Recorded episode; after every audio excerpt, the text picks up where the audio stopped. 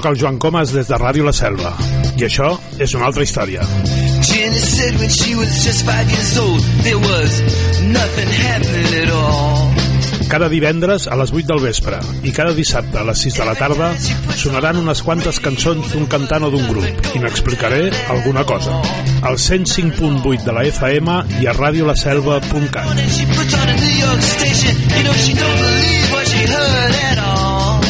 Recorda, això és una altra història.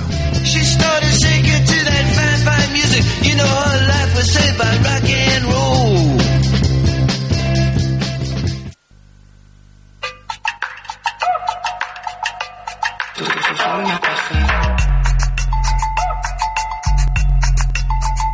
Mala mujer, mala mujer, me han dejado cicatrices por todo mi cuerpo, tus uñas de gel.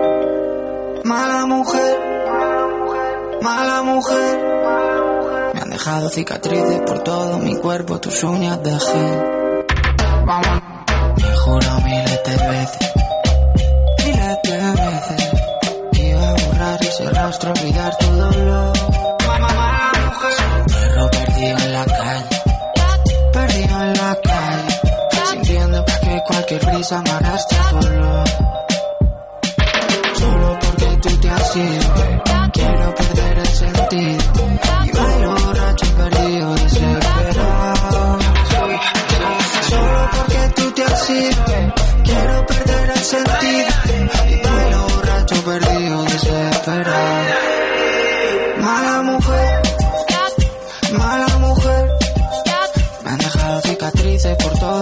cuerpo the tu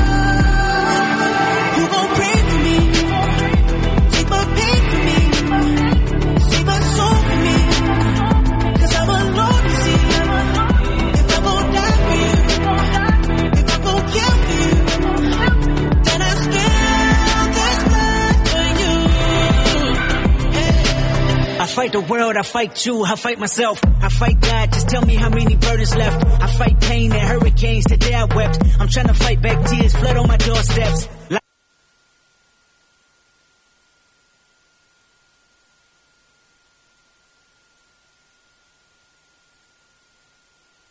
Banderes i banderoles de tots colors. Un cercle de carruatges tronats. I al vell mig, una gran carpa tota ratllada de blanc i vermell Benvinguts al Circ Petit. Obre la porta, man del dimoni! Sí que tens la meva elefanta! Miro la meva bola i veig clarament com et toca la loteria i et cures del refredat. El nostre estimat pallasso, Manric de l'Enric. Enric, has de sortir. No puc, no puc, sense nas no puc sortir. Dos, un... aquest fort aplaudiment al nostre home va vingut de terres molt i molt llunyanes, arriba en Salim, el nostre increïble fakir. El genís fa màgia, no miracle.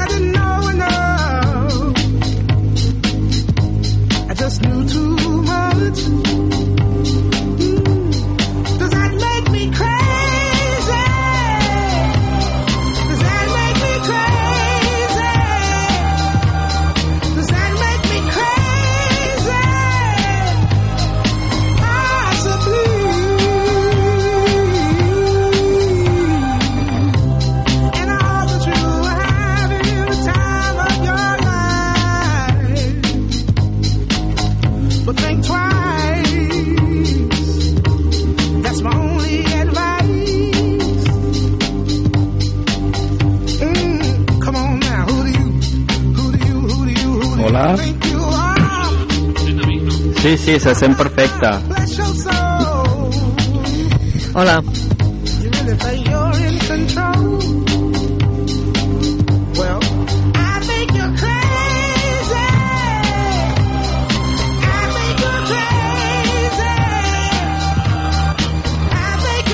Que la tecnologia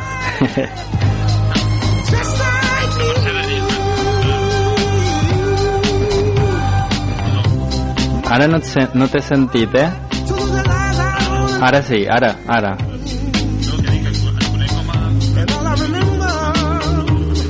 Jo sóc el Sebastián.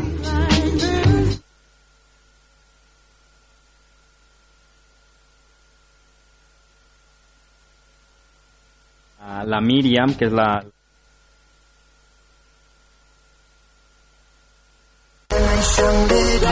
intelligent, Jacqueline but me never left her at all. They said that I miss me at the Ram Dance Man. Ram it in a dance hall in a, a nation. You never know, say that I miss me at the boom shop.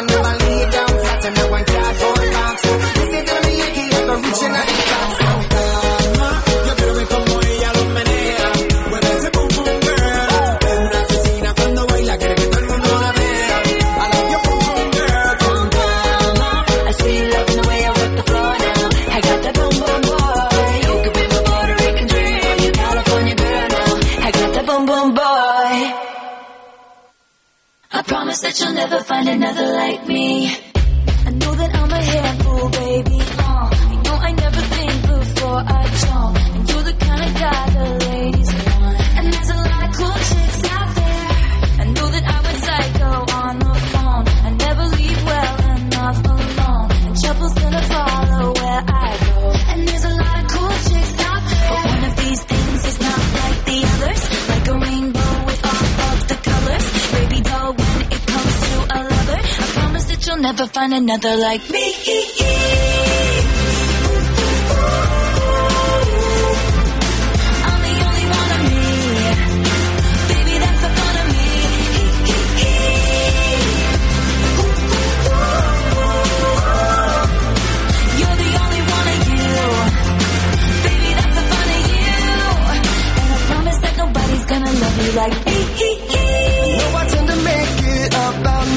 I know you never get just what you see, but I will never fall you, baby. And there's a lot of lame guys out there. And when we had that fight out in the rain, you ran after me and called my name. I never wanna see you walk away. And there's a lot of lame guys out there. Cause one of these things is not like the others. Living in winter, I am your summer. Baby doll, when it comes to a lover, I promise that you'll never find another like me.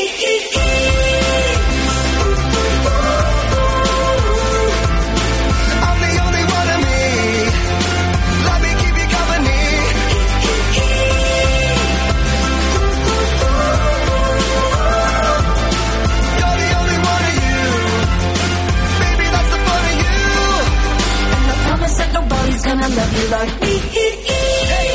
Spelling is fun, Girl, there ain't no I in T. but you know there is a me. Strike the band of one, two, three. I promise that you'll never find another like me. Girl, there ain't no I in T. But you know there is a me. Can't spell awesome without me. I promise that you'll never find another like me.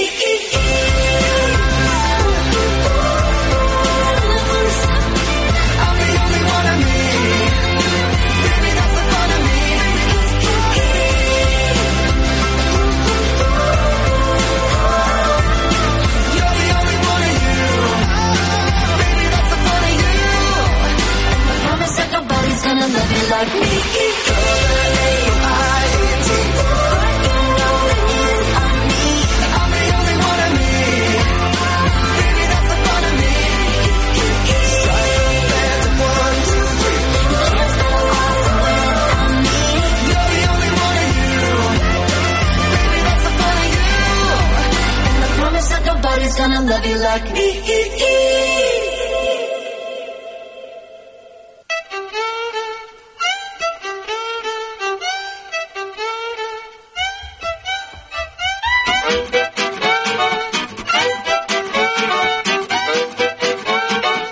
Descarrega't l'aplicació de Ràdio La Selva al teu smartphone.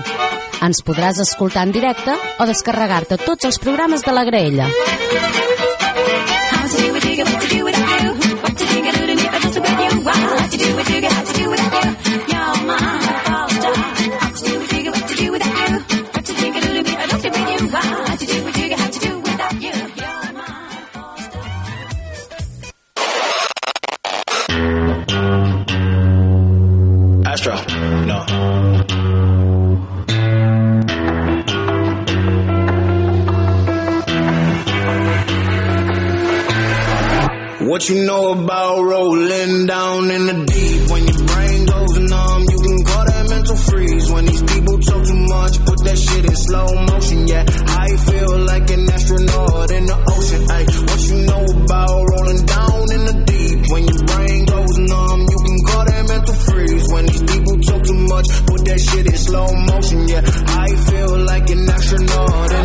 She say that I'm cool. I'm like, yeah, that's true. I believe in G-O-D. Don't believe in T-H-O-T. She keep playing me dumb. I'm a player for fun. Y'all don't really know my mental. Let me give you the picture like stencil. Falling out in a drought. No flow rain wasn't pouring down. See that pain was all around. See my mode was kinda lounge. Didn't know which which way to turn. Flow was cool, but I still felt burned. Energy up, you can feel my surge. I'ma kill everything like this purge. Let's just get this straight for a second. I'ma work, even if I don't get paid for progression. I'ma get it. Everything that I do is electric. I'ma keep it in the motion, keep it moving like kinetic. Yeah. Put this shit in a frame, better know I don't blame everything that I say. Man, I seen you deflate. Let me elevate. This ain't a prank. Have you walking on a plane? La la la la la. Both hands together, God, let me pray. Uh, I been going right, right around, call that relay. Pass the baton, back in the mall, swimming in the pool, can't you come on? Uh. Want a piece of this, a piece of mine, my piece of sign. Can you please read between the lines? My rhymes inclined to break your spine. They say that I'm so fine, you could never match my grind. Please do not not waste my time. What you know about rolling down in the deep? When your brain goes numb, you can call that mental freeze. When these people talk too much, put that shit in slow motion. Yeah, I feel like an astronaut in the ocean. Ay, what you know about rolling down in the deep? When your brain freeze. When these people talk too much, put that shit in slow motion. Yeah, I feel like an astronaut in the ocean.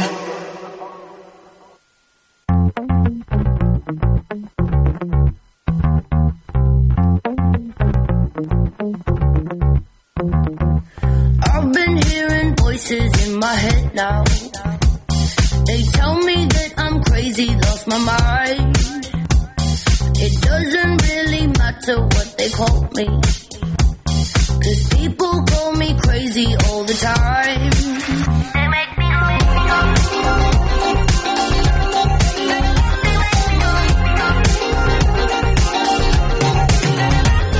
And Charlie doesn't worry in the morning. There's nothing really ever on his mind. Sometimes I think that he's just out to get me.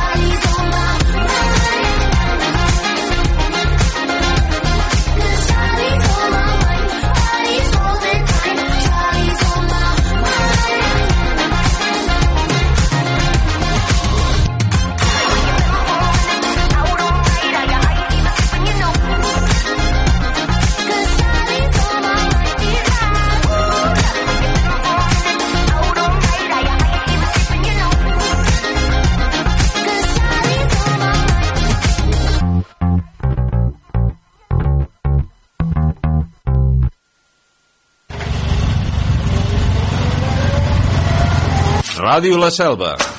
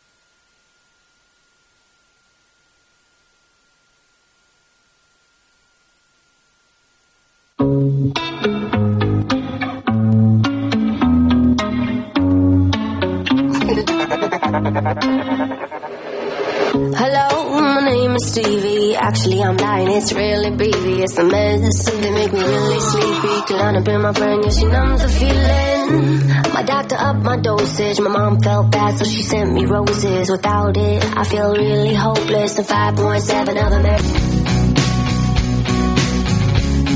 El mar de tus labios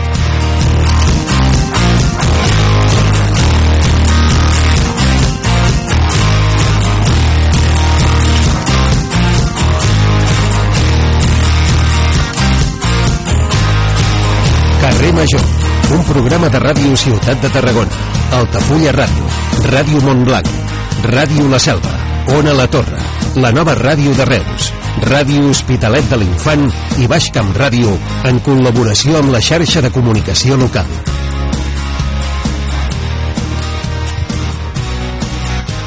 Hola, bona tarda, benvinguts una tarda més a Carrer Major, avui una mica més tard del que és habitual per incidències tecnològiques, avui justament que el nostre convidat d'aquesta primera hora del programa ens ve a parlar de noves tecnologies i d'empreses relacionades amb aquest sector.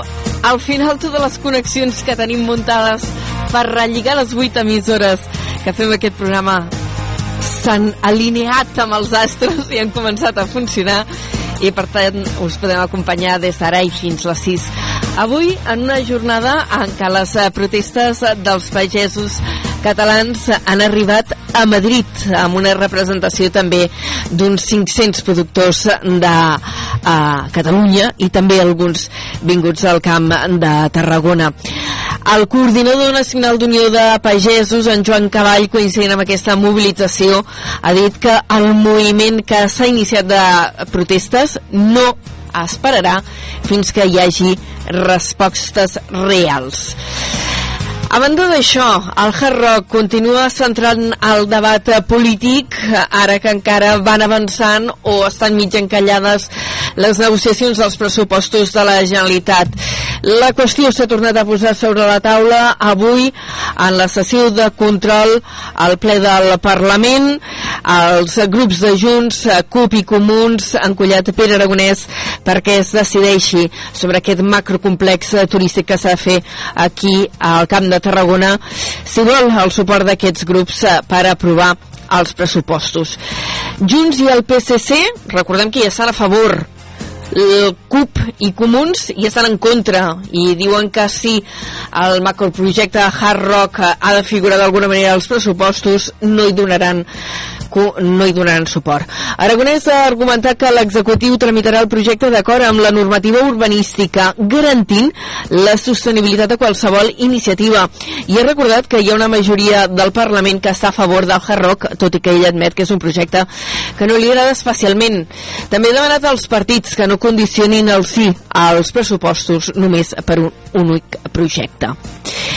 Són alguns dels temes que configuren l'actualitat d'avui. També en parlarem en el nostre informatiu. Això és Carrer Major, el programa que fem 8 emissores del Camp de Tarragona de la mà de la xarxa audiovisual local. Us acompanyarem des d'ara i fins les 6 de la tarda l'equip que fem aquest programa. Som l'Iri Rodríguez, l'Aleix Pérez, en David Fernández, la Gemma Bufies, la Cristina Artacho, l'Adrià Requesens, el Jonai González, en Pau Corbalan, l'Eduard Virgili, l'Antoni Mellados, Antoni Mateos, jo mateixa que sóc l'Anna Plaça i en Dani Sánchez. Comencem.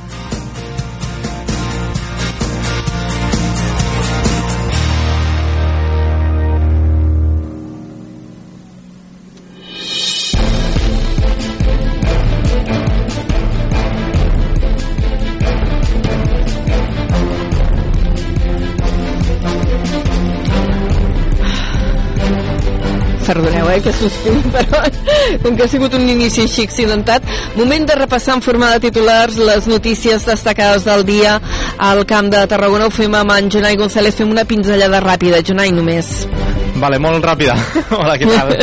Mig miler d'agricultors catalans s'han desplaçat avui a Madrid per participar en la jornada de mobilitzacions per alertar de la situació al camp.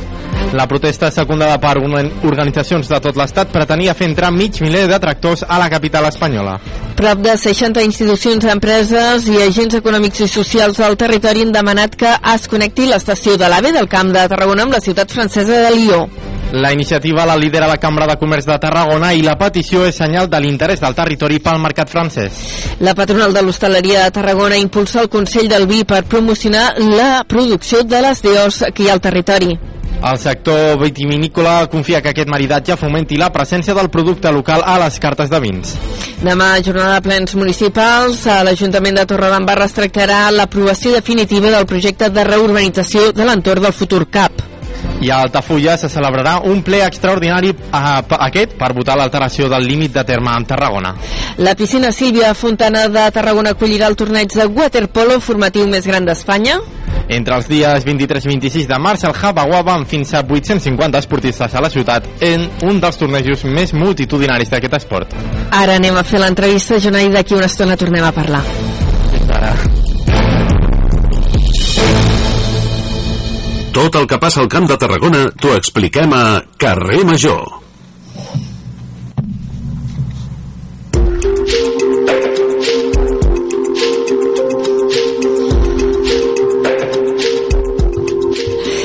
I el veiem assegut a l'estudi de la nova ràdio de Reus, pobre, i a més esperant des de fa molta estona, li agraïm moltíssim la paciència.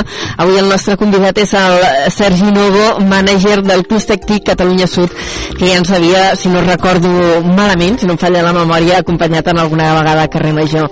Senyor Novo, bona tarda i gràcies per la paciència avui. Hola,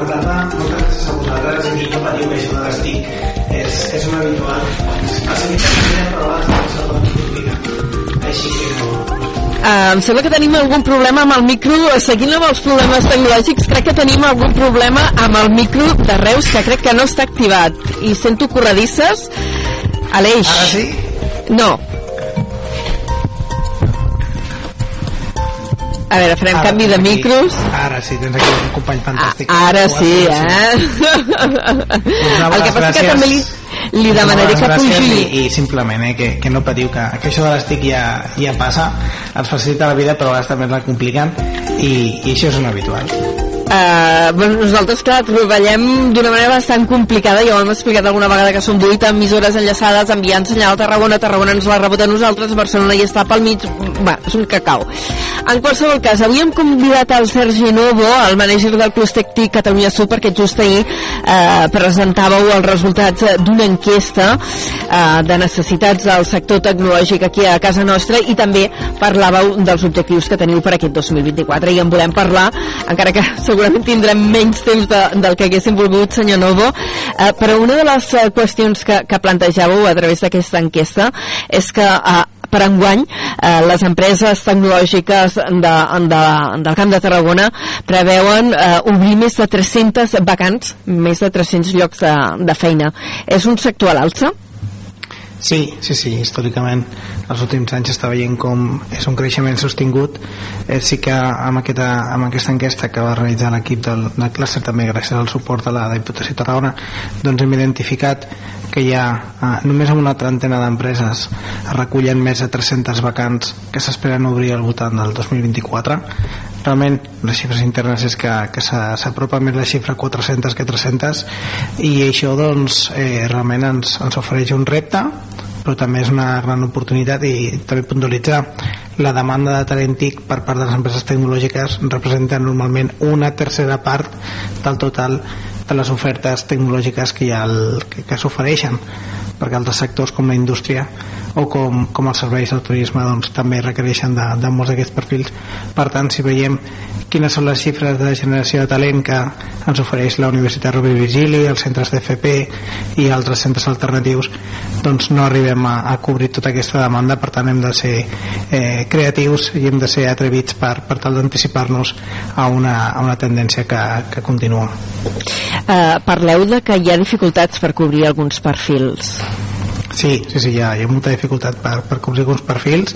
No és un fet que només es regeixi el sector tecnològic, també passa en altres sectors, però sí que com a clúster tecnològic de la, de la Catalunya Sud estem en constant contacte amb aquestes empreses i sí que és crític amb el fet que aquestes empreses si no tenen talent, si no tenen personal no poden facturar de cap altra manera.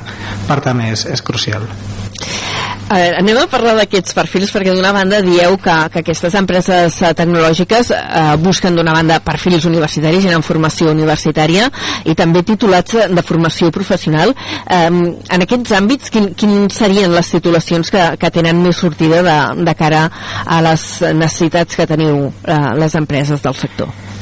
La veritat és que ara mateix totes, totes les, tot, totes les banques formatives que tinguin un àmbit tecnològic i digital tenen una, una sortida laboral de pràcticament del 100% i si la persona té ganes de reciclar-se, de fer upskilling, reskilling, intentar aprendre de, no només d'una vertical, sinó intentar també doncs, aconseguir capacitació i coneixements d'altres d'altres banques que siguin força properes, doncs és un perfil que té la, la feina pràcticament assegurada amb unes condicions força favorables, per tant, aquesta és la gran oportunitat que, que se'ns planteja. Entre els perfils, clar, jo que vinc d'un àmbit que no té res a veure a, amb, amb aquestes noves tecnologies, um, m'he quedat una mica així. A veure, mm, desenvolupadors de programadors back, front-end i full stack. I m'he preocupat perquè no sé què vol dir cap d'aquests tres conceptes. No pateixis. Eh, és, és, és, és força habitual, eh? És normal, no? Són, són, paraulotes, són, són paraulotes del sector, però, però la gent que, que estudia i es forma en aquest àmbit doncs és el, el seu dia a dia. Però sí que és, al final, les modalitats o els tipus de, de feina de vacants que, que, que requereixen a, aquestes empreses, al final el que fa falta és perfils que, que conegui la tecnologia, que sapiguin de desenvolupament, que sapiguin de creació d'aplicacions, també que tinguin aquest punt de creativitat de com una aplicació ha de ser realment atractiva i útil per, per l'usuari, pel client que finalment l'utilitzarà. Al final tots aquests perfils tecnològics i digitals són, són els que acabaran trobant la seva posició o aniran saltant de posicions dins del propi sector tecnològic perquè les necessitats són molt i molt variades. Entre els perfils eh, que busqueu i que estan més especialitzats hi ha el de Data Science, que entenc que és el tractament de dades, que dieu que és un perfil difícil de trobar, i també experts en SEO, que eh, entenc que serien els, els experts en posicionament web. Sí, sí, sí, al final les empreses també puntualitzen sempre aquí i esmenten que no és el mateix que sigui difícil de trobar a que no existeixin. Hi ha certes posicions que sí que existeix persones que, que tenen coneixement però hi ha una altíssima demanda en canvi hi ha altres posicions més tècniques més específiques que hi ha molta menys generació de talent però en canvi no està tan, tan buscat per ara. Però vaja, la veritat és que ara mateix eh, gairebé el 100% dels, dels alumnes que gradua l'ETSE, l'Escola Tècnica Superior d'Enginyeria de la Universitat Rovira Vigili surten amb feina abans d'acabar els estudis. I els centres de, que tenim aquí a la ciutat de Reus mateix el, el Baix Camp que fa una feina magnífica però altres instituts de Valls, de Tarragona de la resta de municipis doncs la veritat és que estan molt contents perquè sí que veuen com són les pròpies empreses o el propi clúster al que ens apropem a les seves aules a intentar veure com gestionem aquesta, aquesta generació de talent perquè crec que més enllà de generar talent també ens hem d'enfocar a retenir talent seria una pena que aquí formem els nostres joves i després a l'hora d'entrar al mercat laboral se'n vagin empreses de fora i acabin marxant de, del nostre territori. De fet, potser també quan us vau constituir que, com a clúster TIC, no? que no deixa de ser un conglomerat d'empreses, eh, un dels objectius que teníeu també precisament és aquesta captació i retenció de, del talent, no? de, de fer el sector fort per evitar que la gent marxi a treballar fora. Exacte, sí, sí, nosaltres en l'àmbit de talent centrem tres, tres, tres vessants, una és la generació de talent, ja sigui Universitat Rovira Virgili, el UOC, també altres universitats de Catalunya i la FP i formació alternativa com els bootcamps privats, també el que, el que creiem és que és, a banda de la generació és molt important la retenció. Si generem però després ens marxen no serveix a res. I l'altre punt és eh, atraure talent. Hi ha moltes persones que anys enrere van marxar a Barcelona, van marxar a altres països perquè potser consideraven que aquí no hi havia prou ecosistema i prou oportunitats i ara mateix veuen que aquí sí que s'ha desenvolupat un sector tecnològic potent on els poden oferir unes carreres professionals igual de bones que qualsevol altre indret. També el format del, del teletreball doncs, pot, pot ser favorable en aquest aspecte. Això és molt atractiu, tant, no? El concepte de teletreball? Clar, aquí ens trobem amb, amb força casos de persones que van marxar el seu dia a treballar a Barcelona, a Madrid, a altres punts d'Europa i que ara tenen la possibilitat de poder viure aquí amb els costos d'aquí amb uns salaris que són eh, força, força interessants. Llavors aquí guanyem per golejada en qualitat de vida. A veure, la gent que viu més a prop de la petroquímica no sé si estarien d'acord amb... Bueno, no sé, aquí m'estic posant en, en un jardí que se sol... En un jardí sí. m'estic posant en un jardí. Uh, tirem la cortina, passem a un altre tema. Uh, Parleu també de les oportunitats que s'obren en guany, uh, sobretot de captació uh, de recursos econòmics, amb els uh, fons europeus, uh, fons de transició nuclear, i també uh, dèieu que uh, el sector es pot veure beneficiat de l'articulació d'aquesta àrea metropolitana del Camp de Tarragona que tot just ara eh, s'està començant a treballar. Per què creieu que una configuració com a àrea metropolitana pot ajudar al sector? Nosaltres el entenem és que tenim l'oportunitat de construir una àrea metropolitana que sigui TIC, que sigui tecnològica, que sigui interconnectada, en el qual la tecnologia sigui un puntal de desenvolupament, ja sigui empresarial, social, a nivell de llocs de treball i també de transformació de, de territori. Llavors tenim l'oportunitat que ja que hem de construir una cosa nova, doncs construir-la amb aquesta mirada tecnològica que, que segur que ens facilitaria la, la vida. tenim per endavant moltíssimes oportunitats, tenim projectes, tenim capacitat, tenim empreses, tenim talent, per tant, més enllà dels tres sectors típics que tenim al territori, com pot ser la química, el turisme i l'agroalimentari, doncs estem veient que hi ha un quart que està en un constant creixement, a més a doble dígit la majoria de les empreses, que és el tecnològic, i el tecnològic té la particularitat de que no és un sector vertical, sinó al revés, horitzontal. Quan, quan creixen empreses tecnològiques és perquè ofereixen serveis a la química, perquè ofereixen serveis a l'agroalimentari, al turisme, al logístic, a l'energètic, a tots els sectors que estan també consolidant i conformant aquest territori. Per tant, és la forma de que aquests sectors tinguin futur, siguin competitius i puguin tirar endavant més enllà de que creix el sector tecnològic. Llavors, nosaltres veiem que aquí com a àrea metropolitana del Camp de Tarragona tenim una singularitat que hi ha cinc municipis a tocar que tenen un, un, un pol de talent un pol empresarial molt, molt important sense oblidar la resta de territori sense oblidar Terres de l'Ebre llavors coordinar-nos i tenir una mirada conjunta jo crec que ens faria molt més forts de cara a marques que tenen l'ombra molt llarga com pot ser Barcelona o altres punts d'Europa de, i el món Uh, parlant d'aquest uh, posicionament també ara deia de, de, de que una, un sector el tecnològic que dona servei també en molts sectors. uh, l'any passat uh, hi va haver un, un projecte que, que vau presentar uh, que és el Soul Food un projecte coordinat per la Diputació de Tarragona i participat també pel, pel clúster uh, TIC Sud uh, per aquest conglomerat d'empreses de, i que compta amb 800.000 euros d'inversió per cercar solucions tecnològiques per lluitar contra el malbaratament alimentari com, com està anant? Doncs està anant molt bé, de veritat. Sí, és, sí, sí és, és, és fantàstic poder treballar amb l'equip de, del Departament de Projectes Europeus de la Diputació de Tarragona, tenen un nivell altíssim, tenen un gran coneixement i, i és fantàstic poder aprendre d'elles de, i, i poder treballar en un, en un projecte d'aquest tipus que conjunta el que és el sector tecnològic amb les solucions i oportunitats que podem oferir amb aquelles necessitats que tenen les entitats socials com els bancs dels aliments, com els menjadors socials i poder desenvolupar una aplicació, un software que el que permeti és que aquells productors locals que tenen excedents que no poden recollir o no poden donar-hi sortida doncs poder-los oferir de forma ràpida i àgil a aquestes entitats per repartir a les persones que, que realment ho necessiten per tant és un projecte molt i, i molt interessant que ja fa gairebé 4 o 5 mesos que, que camina i que avança molt bon ritme i quan el tindrem, aquesta aplicació, si és que us heu fixat un horitzó temporal, eh? L'horitzó temporal ens el marca, ens el marca des de Brussel·les perquè hi ha un compromís de, de timing però sí que ara mateix estem en la cerca d'empreses de, que vulguin eh, oferir aquest servei de desenvolupament de l'eina durant el primer semestre del 2024 estarem desenvolupant l'eina i testejant-la. Després el segon semestre s'haurà de posar en pràctica i, i operativa amb alguns productors seleccionats de, tant d'Espanya, Catalunya sobretot, així com d'altres països com Lituània, Grècia o Romania que formen part d'aquest consorci. I l'any que ve jo crec que la podrem tenir oberta a, a molts més productors i més entitats socials. Uh, Expliqui'ns una mica quin és el perfil d'empreses que formen part de, del clúster, perquè sou ja una norantena d'associats, enguany us agradaria arribar al centenar. Hem de pensar, però, um, en, en un teixit de microempreses o quines característiques van tenint ja, n'hi ha de més grans, hi ha T-Systems, per, per exemple, no? Eh, que és un dels associats que aquest ja, ja és més gran. Com, com, com és aquest teixit d'empreses de, tecnològiques que, que s'està desenvolupant aquí al territori?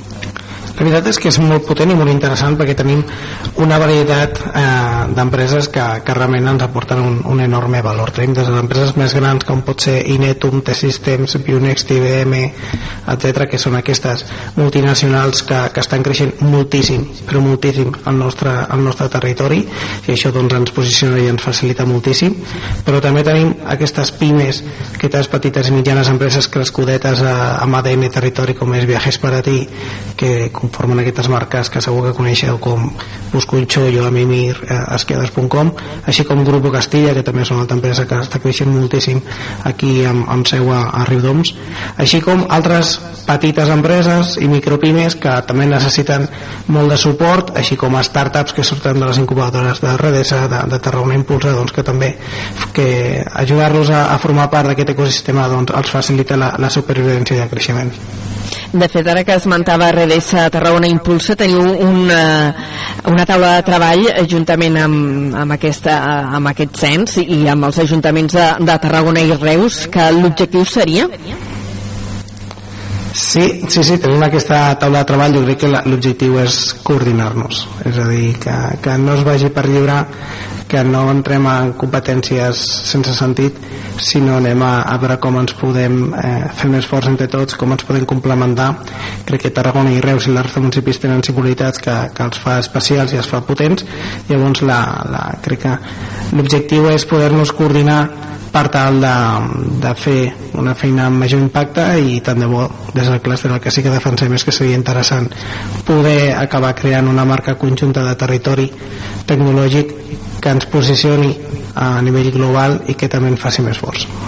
I a nivell de formació, que és un tema que hem tractat al, al principi, eh, considera que hi ha mm, algun buit a, a, a nivell de titulació que, que es, potser s'hauria d'oferir aquí al territori i encara no existeix estem treballant conjuntament amb la universitat el que seria la hibridació de perfils. Cada vegada ens donem compte, i les empreses ens ho fan saber, de que no volen perfils informàtics purs, necessiten que siguin perfils informàtics que tinguin coneixement de sanitat, de dret o de qualsevol de les altres branques que al final són els, els serveis que van oferint els clients, per tant si de, volen oferir un bon servei han d'entendre què necessita el client, per tant es tendeix a buscar perfils híbrids en totes les vessants, ja sigui en comunicació, en, en relacions amb els clients, comptabilitat, perquè al final totes les operacions acaben basant-se en, en àmbit digital i, i tecnològic, per tant mm, estem treballant amb la Universitat de Rovira vigili un programa de microcredencials que permeti que de forma molt àgil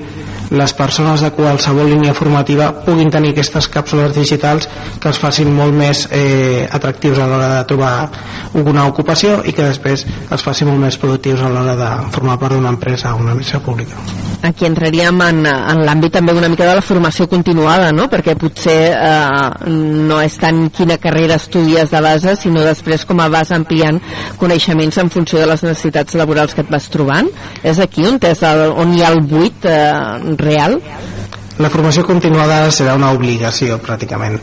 És a dir, a partir d'ara eh, les, les coses canvien molt ràpid. Ho podeu veure, aquí us anava a dir fa 10 anys que estaríeu 8 ràdios connectades al mateix moment i us heu hagut d'espavilar de, tots per, per fer-ho possible. Per tant la formació s'ha de ser necessària perquè si no ens quedarem obsolets com a persones i treballadors en qüestió de mesos. Així que més val que ens anem acostumant tots i que la tecnologia no ens passi per sobre com ens ha passat avui una miqueta. Eh, senyor Sergi Novo li agraïm moltíssim que, que hagi vingut un dia més a, a Carrer Major perquè aquesta temporada no havíem parlat però jo sé que la temporada passada sí que havia estat al programa parlant de, de les empreses tecnològiques que es van desenvolupant i van creixent aquí al nostre territori. Segur que tindrem oportunitat de tornar a parlar en una altra ocasió i li agraïm molt que hagi vingut moltes gràcies, sempre que faci falta aquí em teniu. Fins la pròxima. I disculpi totes les incidències que hem tingut avui que ha sigut un programa molt especial. No, gràcies, fins ara. Tot el que passa al Camp de Tarragona t'ho expliquem a Carrer Major. Tres quarts de cinc ja ens endinsem amb les notícies eh, que abans apuntàvem amb titulars. Saludem de nou en Jonai. González, bona tarda, Jonai. Molt bona tarda. Avui el protagonisme pels uh, pagesos catalans, també tarragonins que s'han desplaçat fins a Madrid per participar en una nova jornada de mobilitzacions per alertar de la situació del camp. La protesta secundada per organitzacions de tot l'estat pretenia fer entrar mig miler de tractors a la capital espanyola. El coordinador nacional d'Unió de Pagesos ha dit que les protestes no pararan fins que arribin les solucions reals. El moviment que s'ha iniciat de protestes fins que no hi hagi respostes jo crec que no es té que parar i la gent també creu que no es té que parar fins que no tinguem respostes reals a les nostres legítimes demandes. Entre els pagesos que s'estan manifestant a Madrid també n'hi ha del Camp de Tarragona. És el cas de la Irene Gómez, una productora de fruita seca del Baix Camp. És que o fem alguna cosa o, o, o hem de plegar ja. O sigui, no, no podem aguantar més uh, tota, tota aquesta problemàtica si aquest any no s'arregla, segurament l'any que ve haurem de plegar perquè no, no podrem regar els arbres i es moriran. I eh, bueno, hem vingut amb cotxe, ens hem organitzat, vam arribar ahir la nit, eh, bastant tard i avui cap aquí a manifestar-nos. Des de la delegació del govern espanyol a Madrid han confirmat aquest migdia que finalment s'ha permès el pas a la capital de 500 tractors, xifra portada pels organitzadors a la comunicació de la mobilització. Junts, la CUP i els comuns han collat avui per Aragonès perquè es decideixi sobre el Hard Rock si vol aprovar els pressupostos de la Generalitat. El futur d'aquest macroprojecte ha centrat la sessió de control al president de la Generalitat avui al ple del Parlament. Les posicions estan enrocades. Junts i PSC mantenen les seves exigències sobre el Hard Rock per donar suport als comptes, mentre que els comuns s'hi oposen. El president del grup parlamentari de Junts, el veient Albert Batet, ha reclamat un acord de claredat sobre el Hard Rock. Tramitar no és governar. I la realitat és que el seu govern necessita un acord de claredat sobre què fan amb el Hard Rock. O incompleixen amb el PSC o incompleixen amb els comuns. O forma part del Dragon Khan del tripartit, que és ens aprovem els pressupostos de Barcelona, a Catalunya i a Madrid i que cadascú digui el que vulgui, com ja ens havien acostumat en el passat, un tema molt vell i molt sucursalista. Per la seva banda, el president de la Generalitat, Pere Aragonès, ha demanat als partits que no condicionin el seu suport als pressupostos a aquest únic projecte. Una qüestió que no, està, no té relació amb el pressupost, que té altres mecanismes per configurar les majories, ha de comportar sacrificar tot això? De veritat que hem de sacrificar el pressupost més alt al Departament d'Educació de tota la història, que superarà els 7.000 milions d'euros, per les diferències legítimes que vostès puguin tenir amb un projecte molt concret, un projecte que no és immediat, Aragonès ha argumentat que l'executiu tramitarà el projecte d'acord amb la normativa urbanística garantint la sostenibilitat de qualsevol iniciativa i ha recordat que una majoria del Parlament està a favor del Hard Rock. Prop de 60 institucions, empreses, agents econòmics i socials del Camp de Tarragona demanen que es connecti l'estació de l'AVE, la del Camp de Tarragona, amb la ciutat francesa de Lió. La iniciativa la lidera la Cambra de Comerç de Tarragona. La petició passa per ampliar fins a l'estació del Camp la línia que des de l'estiu passat uneix Barcelona amb Lió i Marsella. La Cambra considera que aquesta connexió servirà per potenciar el sector turístic i contribuir a la desestacionalització de la temporada. De fet, l'any passat hi va haver 2,5 milions de visitants francesos. La presidenta de la Cambra, Laura Ruiger, ha destacat que l'ampli suport amb què compta la petició és senyal de l'interès del territori pel mercat francès i també del seu creixement potencial. I el sector turístic de la Costa Daurada ha ofert 1.500 llocs de feina en la sisena jornada de treball al turisme que s'ha fet, es feia de fet ahir dimarts a Reus i han pres part una quarantena d'empreses del sector turístic del territori incloent-hi Proventura. Els organitzadors han destacat la diversitat de perfils dels aspirants, des de gent a l'atur que busca feina a estudiants que volen un treball d'estiu. La jornada l'ha organitzat la Federació Empresarial d'Hostaleria i Turisme de Tarragona amb el suport del Servei d'Ocupació de Catalunya. La presidenta de la Federació Empresarial d'Hostaleria i Turisme de Tarragona, Berta Cabré, ha assenyalat que aquesta jornada està plenament consolidada i que treu molts demandants de feina. També ha destacat que actualment un 90% dels contractes que ofereix el sector turístic ja són fixos. I seguim amb més eh, qüestions relacionades amb el turisme, però ara parlant de l'altre patronal eh, que hi ha al territori. Eh, estem parlant de l'Associació d'Empresaris d'Hostaleria, la EACT, que ha impulsat el Consell del Vi per promocionar la producció de les DOs del territori, les denominacions orígens. El sector vitivinícola confia que aquest maridatge fomenti la presència dels productes locals a les cartes de vins dels restaurants. Amb la iniciativa es pretén promocionar els vins entre els 800 restaurants i 130 hotels de l'entitat. La mesura arriba sis mesos després de la creació de la vicepresidència del vi per part de l'Associació d'Empresaris d'Hostaleria de la demarcació de Tarragona. Entre les primeres accions destaca el compromís d'hostaleria d'incloure a les seves cartes una benvinguda en què s'informi al consumidor que es troba a la demarcació amb més denominacions d'origen de l'estat espanyol. El president de l'associació, Francesc Pintado, defensa la importància que els sectors gastronòmic i vitivinícola s'uneixin. Doncs resulta que Tarragona és la província espanyola amb més denominacions d'origen. En tenim 8. I creiem que com a sector hem de recolzar i incentivar des dels nostres establiments el consum del nostre vi, el recolzament als nostres productors, per la seva banda, el delegat del govern a Tarragona, Àngel Cifré, celebra la creació del Consell del Vi per promocionar el territori i també el seu producte. I és molt important per dues coses. Per una banda, per posar en valor tot el que és l'enoturisme, diguem-ho així, eh? molts de vosaltres ja als vostres cellers ja feu l'enoturisme, per tant, i per altra banda també posa en valor que aquí estem en una zona que hi ha vuit, de, vuit denominacions d'origen abans el Vicenç ho ha dit és la província de, de l'estat espanyol que té més denominacions d'origen El Parc Arqueològic de la Vila Romana de Barenys a Salou, on antigament els romans fabricaven i venien àmfores de vi, ha estat l'escenari escollit per presentar aquest Consell del Vi. La Guàrdia Civil ha detingut una mà Altafulla per la seva presumpta vinculació amb una organització criminal dedicada al frau fiscal. Es tractaria d'un cas de frau a gran escala i blanqueig de capitals mitjançant la comercialització d'hidrocarburs. Segons va avançar ahir el diari de Tarragona, la banda criminal hauria defraudat 140 milions d'euros d'IVA durant els darrers 5 anys. En l'operatiu memorable dirigit per l'equip de delinqüència econòmica, conjuntament amb l'Agència Tributària d'Andalusia, s'han fet diversos escorcolls en diferents municipis de l'Estat. En el cas d'Altafulla s'han confiscat diners, a més de material informàtic i telefònic.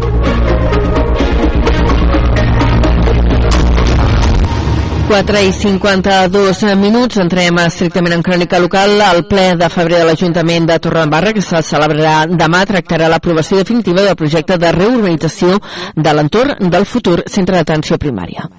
La sessió tindrà lloc aquest dijous 22 de febrer i arrencarà a les a dos quarts de 10 del matí, mitja hora abans del que és habitual. Ens ho explica des d'Ona la Torre en Josep Sánchez. El projecte contempla fer una inversió de 517.000 euros i que les obres durin uns 8 mesos. Es farà una vorera ampla, amb zones verdes integrades.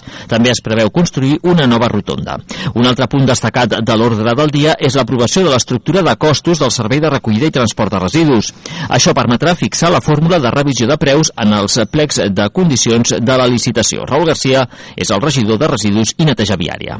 que és el primer tràmit on ja pots enviar eh, tot aquest eh, material a la Junta Consultiva de la Generalitat i per, a partir d'aquí ja són terminis molt més consecutius per poder fer la publicació dels plecs, eh, començar el procés de licitació i adjudicar el contracte. Durant la sessió també es preveuen aprovar canvis en les retribucions d'alguns regidors arran de les modificacions en el govern després del traspàs de Maria Gual.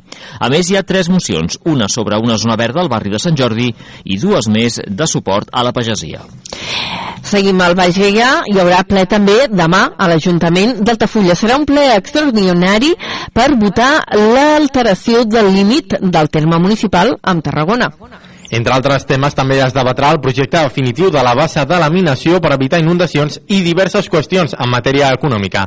Ens n'amplia la informació des d'Altafulla Ràdio, l'Eduard Virgili. L'Ajuntament d'Altafulla celebrarà un ple extraordinari aquest dijous a dos quarts d'una del migdia per debatre una desena de punts, segons estableix l'ordre del dia. El més cridaner és el que ha de permetre que es debati sobre l'alteració dels límits de terme municipal entre Altafulla i Tarragona, al sector de la plana del Pinyet. Ja va aixecar força polseguera quan a principi de febrer el coalcalde Jordi Molinera va anunciar-ho en un esmorzar amb la premsa. La nostra proposta és que tota la, aquesta zona del Vinyet fins a la desembocadura del Gaià sigui terme municipal d'Altafulla. A ulls de la gent així ho és. Molta gent, de fet, creu que és Altafulla i Altafulla ha demostrat eh, els darrers anys eh, que té una implicació important en la gestió d'aquest d'aquest territori. La sessió previsiblement aprovarà la petició formal per redibuixar aquests límits i posteriorment el document es farà arribar a l'Ajuntament de Tarragona perquè s'hi pronunciï. En cas que no hi hagi acord, la decisió la prendrà la Generalitat. D'altra banda, el ple de la corporació també debatrà el projecte definitiu de la bassa de laminació, la denominació de diversos carrers a la zona de Safranàs i qüestions relatives a matèria econòmica. Junts també ha proposat que el ple voti una moció en suport de la pagesia catalana. Aquesta sintonia ens porta a parlar d'esports. Tarragona acollirà el torneig de waterpolo formatiu més gran d'Espanya. Entre els dies 23 i 26 de març, la piscina Sílvia Fontana presenciarà el Jabaguaba. Ens ho explica l'Adrià Duc des de Ràdio Ciutat de Tarragona. Aquesta serà la quarta edició del Jabaguaba que es fa a Tarragona, on durant els tres dies de torneig es jugaran fins a 220 partits de categoria Benjamí i Aleví. La directora general del torneig, Cristina Marín, ha destacat el vessant lúdic de l'esdeveniment. Torneig, Cristina Marín, ha destacat el vessant lúdic de l'esdeveniment per sobre de la competitiva, així com el bon ambient que es crea a la ciutat durant l'esdeveniment. verdaderament l'ambient que respira aquí d'esport no només com a esport sinó a nivell social també el fet de que els nanos tinguin aquest mm, interès amb, amb fer esport i no altres coses, eh, crec que Tarragona és una demostració de que qualsevol cosa que es proposi ho pot organitzar. En la presentació del torneig també ha estat present el capità de la selecció espanyola de waterpolo i ambaixador del torneig, Felipe Perrone, qui ha manifestat la importància de l'esport base i d'iniciatives com el Jabawaba. I per mi estar aquí és una mica trobar aquesta connexió d'aquest aquest intangible que és l'esport de rendiment amb l'esport de formació, de realment motivar i fomentar l'esport i, i tots els beneficis que això porta a la ciutat i a, i a l'esport. En aquesta edició el torneig ha augmentat en 10 el nombre d'equips participants, arribant així als 56, la majoria d'ells espanyols, però també alguns de fins a 4 països d'arreu d'Europa.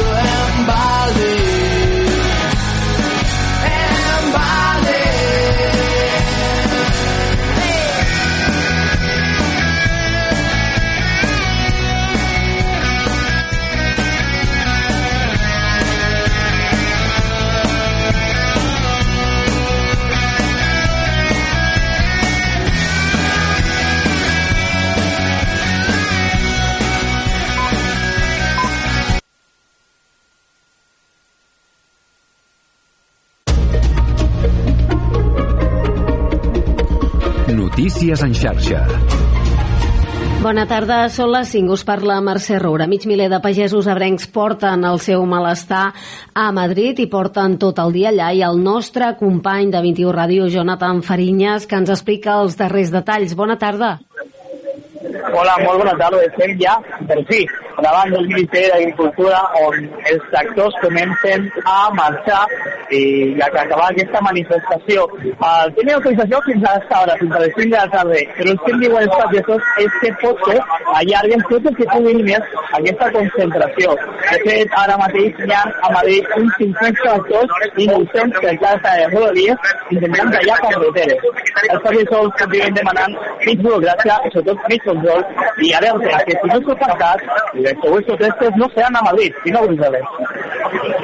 Doncs ja us sentíem darrera hora des de Madrid i no deixem a Madrid perquè avui el president del govern espanyol Pedro Sánchez i el líder del Partit Popular Alberto Núñez Feijóo han tornat a discrepar públicament sobre com resoldre el conflicte català i s'han acusat de mentiders. Ha estat la primera sessió de control que s'ha fet a la cambra baixa després de les eleccions gallegues de diumenge. Els escoltem. Yo le reconozco, señor Sánchez, que cada día usted se supera. Usted empezó mintiendo sobre lo que hago, sigue mintiendo sobre lo que digo y ahora miente sobre lo que pienso. Realmente, señor Sánchez, por mentiras me gana usted por goleada.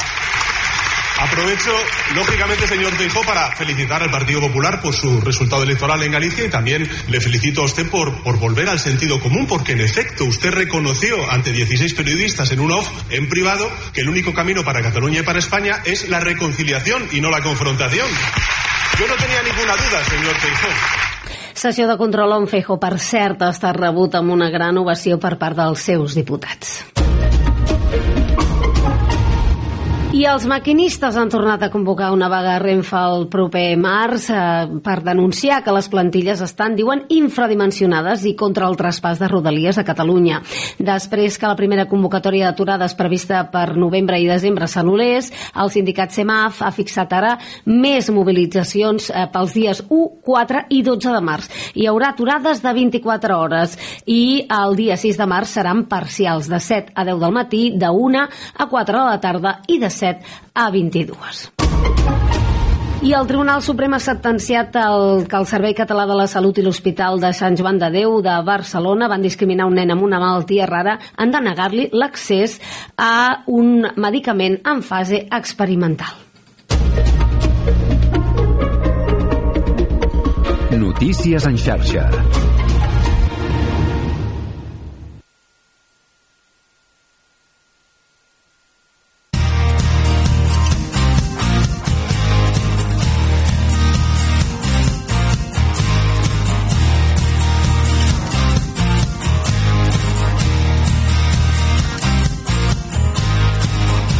Major, Toni Mateos i Aleix Pérez.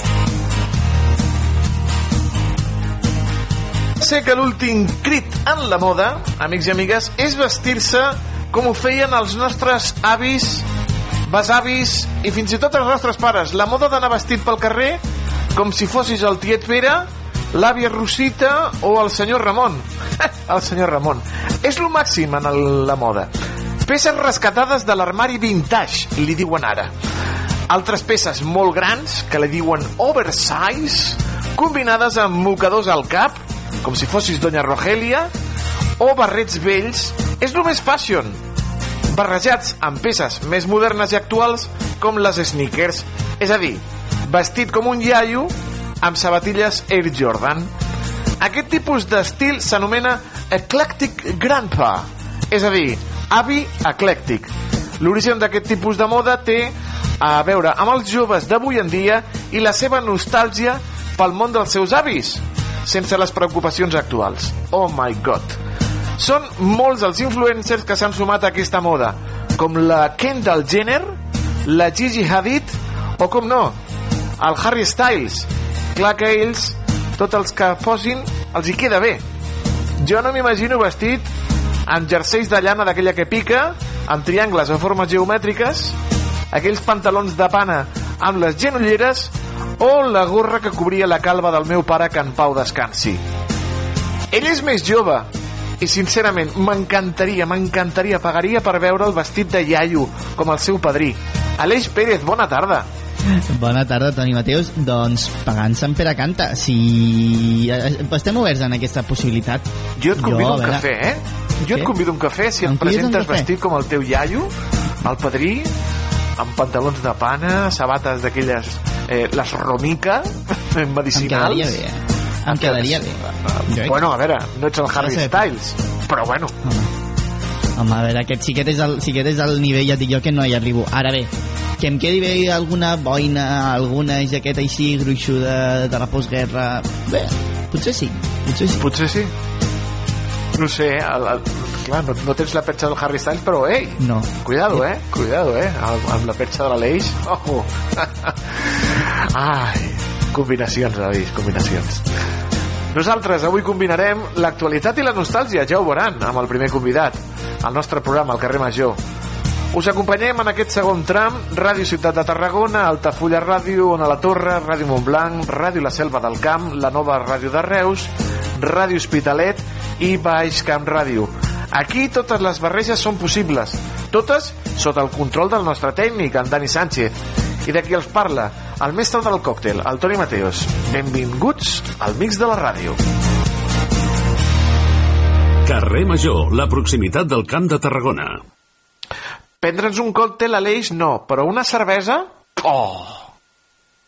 No et sembla? No ens agrada, eh, la cervesa. Espera, espera, espera, espera, espera, espera, espera, Dani, espera, espera, espera, espera. Gràcies, Dani.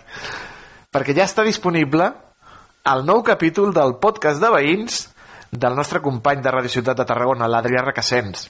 Us agrada la cervesa? M'encanta. Sí. La cervesa artesana? Sí, Encara molt més. El nostre protagonista és un francès que viu a Cambrils i elabora cervesa a Vilaseca. Ho té tot. Escoltem, ara sí, un tastet.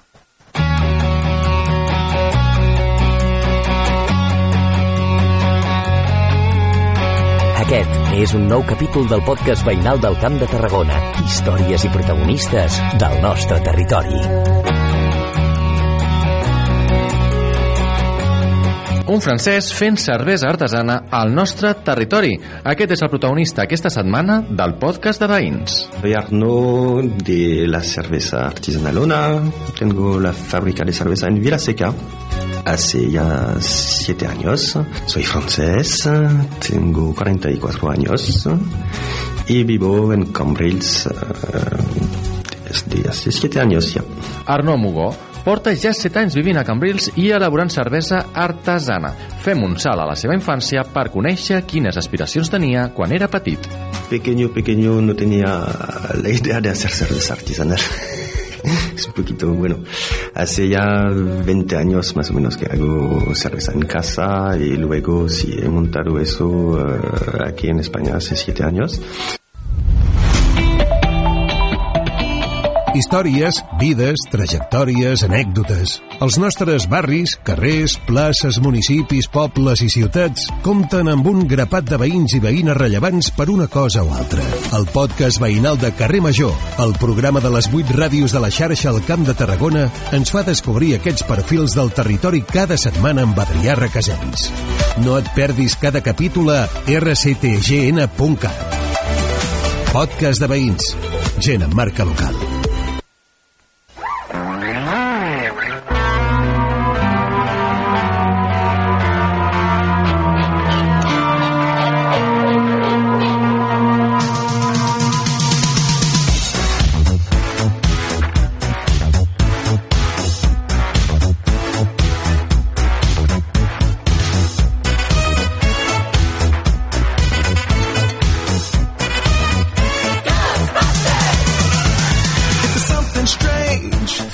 Del Camp de Tarragona! Sí. Uniu-vos! Ai, Aleix, jo vaig anar a veure els cazafantasmes al Cine Palace.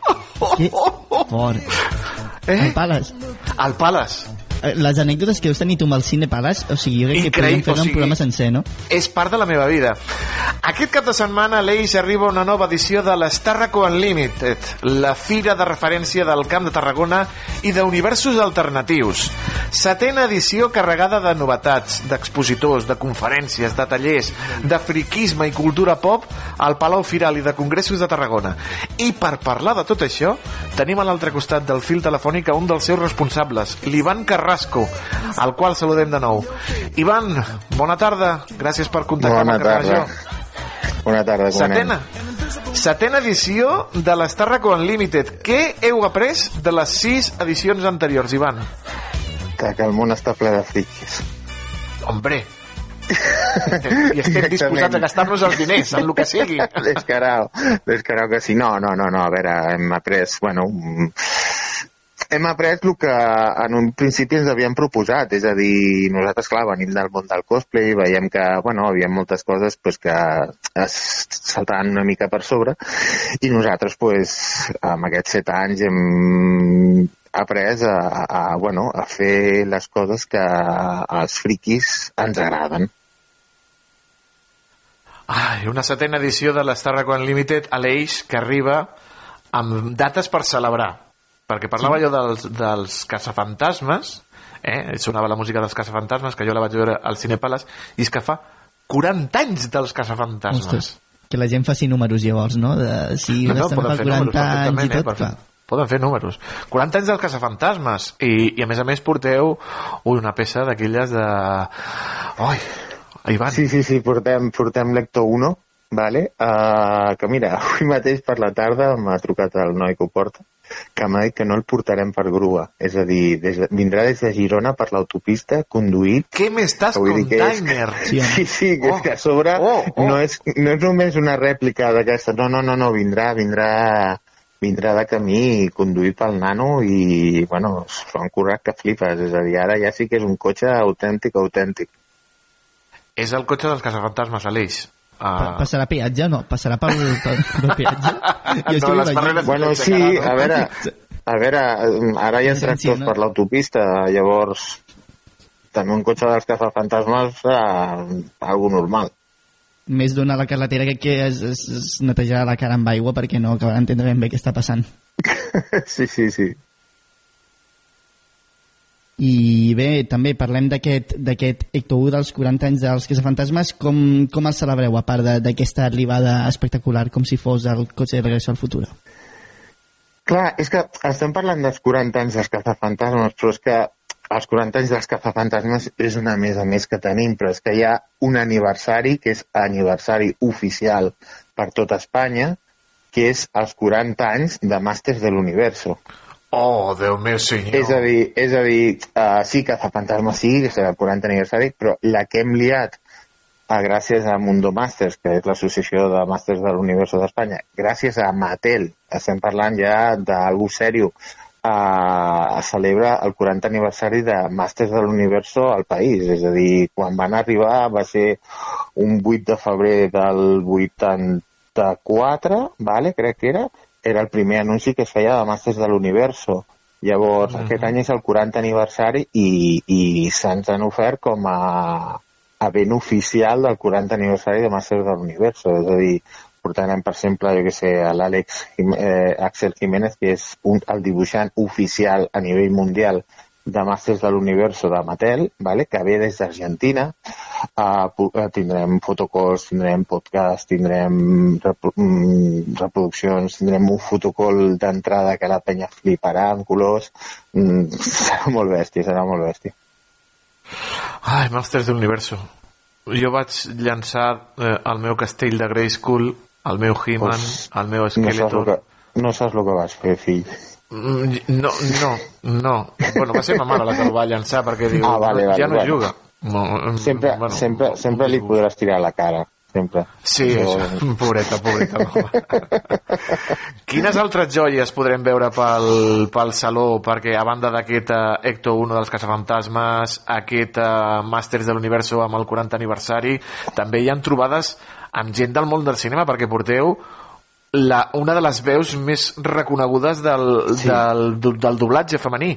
Sí, sí, sí, jo per mi és una de les, bueno, per mi és una de les veus més importants que existeix en el doblatge, vale? que és la Núria Mediavilla. Estem parlant de, de la veu d'Uma Thurman, de la veu de Cameron Diaz, de la veu de, bueno, d'actrius superimportants, vale? Eh, a més, el seu pare era el, el, el, el grandíssim Pepe Mediavilla, la veu de Gandalf i companyia, vale? Llavors portem una gran de les grans de les veus eh, de, de, de doblatge del país. Després mm, pues, tindrem, pues, què sé, eh, tindrem Alien, tindrem Warhammer, tindrem eh, una reproducció exacta també d'uns dels cotxes del parc de Jurassic, de Jurassic Park amb, una, amb, un, amb un recorregut mm, veient peces tindrem el tro a mida real de la sèrie Boba Fett uh, videojocs, tallers més xerrades bueno, ah, bueno, i una cosa que suposo que, el, que tu eh, te'n recordaràs dels Aurones Home, i tant, home, sí, sí, que m'agrada Pues- allò de... pues, ah, eh, en com era la Poti cançó? Poti. Poti Poti, el Poti Poti, sí, sí. sí. poti, poti. pues tindrem eh, el diumenge eh, hi ha un escriptor uh, que, que ha tret un, un llibre que es diu Lanzarrayos, uh, que explica la història dels aurones i llavors vindrà el creador dels aurones i també tindrem una exposició de les, de les titelles originals de la sèrie. De les vale? titelles originals dels aurones? Sí, sí, sí, sí, sí, sí, sí. tindrem el poti-poti de veritat allà, sí, No, sí, sí, sí, sí, sí, sí. Bueno, la, la tindrem una- s'està mirant, la, Le, la Leia ens mira Sí, com un bitxo raro, no? Ja, que poti, poti, què és esto? Sí, sí, sí, sí, sí. Clar, estem parlant de fa molts anys ja, eh? Uh, també pues, tindrem uh, una uh, The Collectors, vale? que són una sèrie de, de creadors de continguts, de col·leccionistes de figures, bueno, de, de joguines antigues, vale? dels 80, 90, vale? Uh, llavors vindrà una sèrie de youtubers també que són d'aquests que obren cartes de Pokémon i tota la història. Uh, tindrem el de sempre, merchandising, artistes, food trucks, um, vamos, mm, lo de sempre però en plan bèstia. Quina és més o menys la previsió de gent que pot passar en aquest en aquesta setena i considera que, que també amb el, amb el pas del temps també i, la, i, la, i les noves tecnologies i la facilitat d'accedir a aquesta mena de contingut també si s'ha popularitzat potser una mica més també aquesta, aquesta cultura friki A veure, mm, com t'ho diria? Nosaltres, eh, un company va treure una frase que crec que és molt certada, no? que és que ser friqui està de moda, ¿vale? Uh, bueno, tots sabem que abans que et diguéssim friqui prenia com a algo despectiu. Nosaltres diguem que som friquis i amb orgull, ¿vale? És a dir, a mi que em diguin friqui m'importa tres pitos perquè me sento friqui i, i ho dic amb orgull, ¿vale?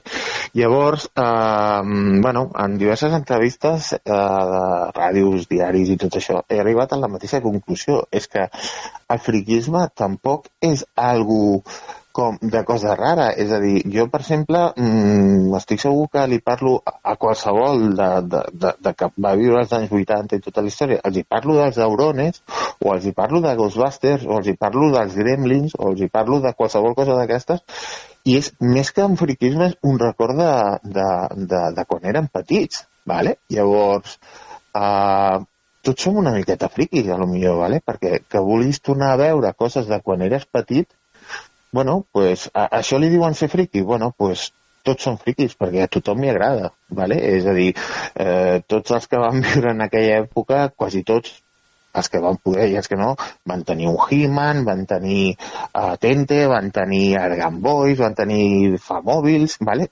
Llavors, ara passa el mateix, és a dir, tots els nanos, pues, el que no s'ha vist una pel·li de Marvel, s'ha vist una pel·li de DC, o s'ha vist mil coses, ¿vale? o sèries, o el que sigui. Llavors, clar, a la gent li agrada veure aquestes coses, aquestes coses que hem sempre vist darrere, d'una pantalla, doncs les està veient en directe, saps el que t'he dit? És a dir, uh, vale, a lo millor no portarem els actors que surten a les sèries, però per exemple que vegis un company amb un Stargate, tot vestit de Stargate i tota la història, ostres, a la gent li agrada, encara que no, encara que no es considerin friqui, és a dir, bueno, són, són records entretinguts que sempre uh, uh, uh, ens fan allunyant-nos una mica de la vida quotidiana. Llavors, mm, bueno, pues és algo que, que, que, que, que, que ha anat creixent més, més, més i la gent pues, passa força bé. Uh, referent a la gent que esperem, no ho sabem. Fins que no passi l'esdeveniment no es podrem dir. Sabem que Home, ve eh, moltíssima gent, sabem que ve moltíssima gent de tot el país, de Madrid, Mhm. de Canàries, inclús gent de fora d'Alemanya, de França, perquè això dels màsters de l'Universo mm, se li era molt grossa, ¿vale? I llavors cada, cada secció que tenim s'ha encarregat de liar-la més encara. Llavors vindran diferents punts, diferents gent interessada per mil coses. Fareu també la desfilada de, de Star Wars com, com Mm. en anys anteriors? Mm, mm, no. I, i, deixem-ho així. Vale. Permisos i coses d'aquestes. Va, val, val, val. M'entens, no? Home, ja, ja, ocup, ja ocupeu molts metres quadrats, déu nhi duret, eh? Ja, sí, sí, sí, sí. El que passa que, bueno, sembla ser que veure mm, molts soldats imperials pel carrer i tot això, pues, bueno, es necessiten moltes, molts papers per fer això. Així que, bueno, és una de les coses que es va perdre. Però, bueno, que dona igual, que dins podreu veure, vamos, el que vulgueu i més. Mm. A més a més, amb una vessant també solidària, Ivan, perquè Sí, col·laboreu sí, sí, sí, amb sí. gent com Aspercam, Afanoc... Sí, sí, sí, a veure, nosaltres venim del món del cosplay, vale? sempre hem estat amb associacions benèfiques, llavors és una de les coses, a veure, nosaltres som una associació sense ànim de lucre, vale? Uh, que el que volem és que la gent s'ho passi bé, vale? i si podem ajudar, doncs millor que millor. Vale? Llavors, eh, hi ha una secció de, de, de l'esdeveniment que deixem a, a, a diferents associacions, doncs, com tu has dit, a Canoc, a Espercamp, San Filippo, a FECAR, bueno, hi ha unes quantes, els hi deixem una zona per ells, vale? amb uns estants gratuïts, on ells poden pues, explicar per lo que lluiten, per lo que treballen, vale? i després si poden eh, aconseguir, pues, bueno, ells venen les, el seu merchant i les seves coses, pues, i amb això també podem ajudar, és sempre és una de les nostres coses primordials i en tots els esdeveniments que fem intentem, perquè de vegades no es pot per ells, no, no per nosaltres, intentem pues, que hi hagi una zona benèfica. I bé, i per anar tancant ja, Ivan, què no ens podem perdre d'aquest Star Reco Limited? Una cosa que sí o sí la gent hi ha d'anar abans de, de marxar cap a casa o a qualsevol confí de la galàxia. És que te diria que tot, el que te dic? És que, a veure, jo intentaria, intentaria uh, anar a la xerrada de la Núria Mediavilla perquè, bueno, totes les xerrades d'actors de doblatge són espectaculars, són màgiques, vale? després la presentació dels Aurones també pot ser molt divertida. Uh, la xerrada de l'Àxel, el dibuixant de, de fora, també li, li, li, eh, li acompanyo la gent que ho faci i després tot, tot, és que tota la zona de Masters de l'Universo, Jurassic Park, eh, l'ARP, eh, Soft Combat, etc. Moltíssimes coses que ha totes. Sobre las nubes vemos volar a Iris y sus amigos en un avión muy peculiar. Los aurones. no no t'ho perdis, no t'ho perdis. Ah, no t'ho no, perdis, no, no. això, Aleix. Eh, no, no. Anem, anem al fin de? A l'Estarraco, doncs... Aleix? I passo jo eh, segurament hi passi, o sigui, potser algun d'això jo sóc molt fan de Doctor Who, no sé si hi ha alguna cosa també pues a Doctor Who tenim una associació de Doctor Who eh? mira doncs tenim el club una tenim, tenim, sí, sí, sí, tenim el club Doctor Who Espanya vale? que allà també és un, és un, és un estat molt interessant juntament amb els companys de Star Trek i allà podràs trobar coses molt xules també doncs, que li agradaria. Perquè, sí, una, tardis, una pregunta, eh? una va, ser, va, va, va ser tu el que tenia l'any passat un viatge a Londres? Sí, sí, vaig ser jo. Pues mira, sí, sí. me he quedado con tu cara, ¿eh? Se, como no vinguis... L'any passat, vale, te lo cuento pel, pel viatge a Londres, però aquest any... Sí, sí, potser hi faig cap, sí. Moltíssimes gràcies. vale, perfecte, genial. Ivan Carrasco, moltíssimes gràcies per acompanyar-nos un cop més aquí al carrer Major per parlar-nos d'aquesta fantàstica Star Reco Unlimited i que la força us acompanyi. Igualment. Ens veiem. Gràcies. Ens veiem fins la propera. Carrer Major, la proximitat del Camp de Tarragona.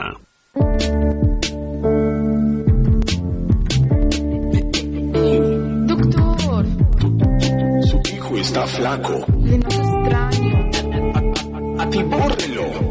No quiero más puré, la tortilla, apártame lo rojo de la ensaladilla. Si me das un guisante, me quedo como antes. Yo necesito un plato, o dos, o tres, o cuatro. Comida, la la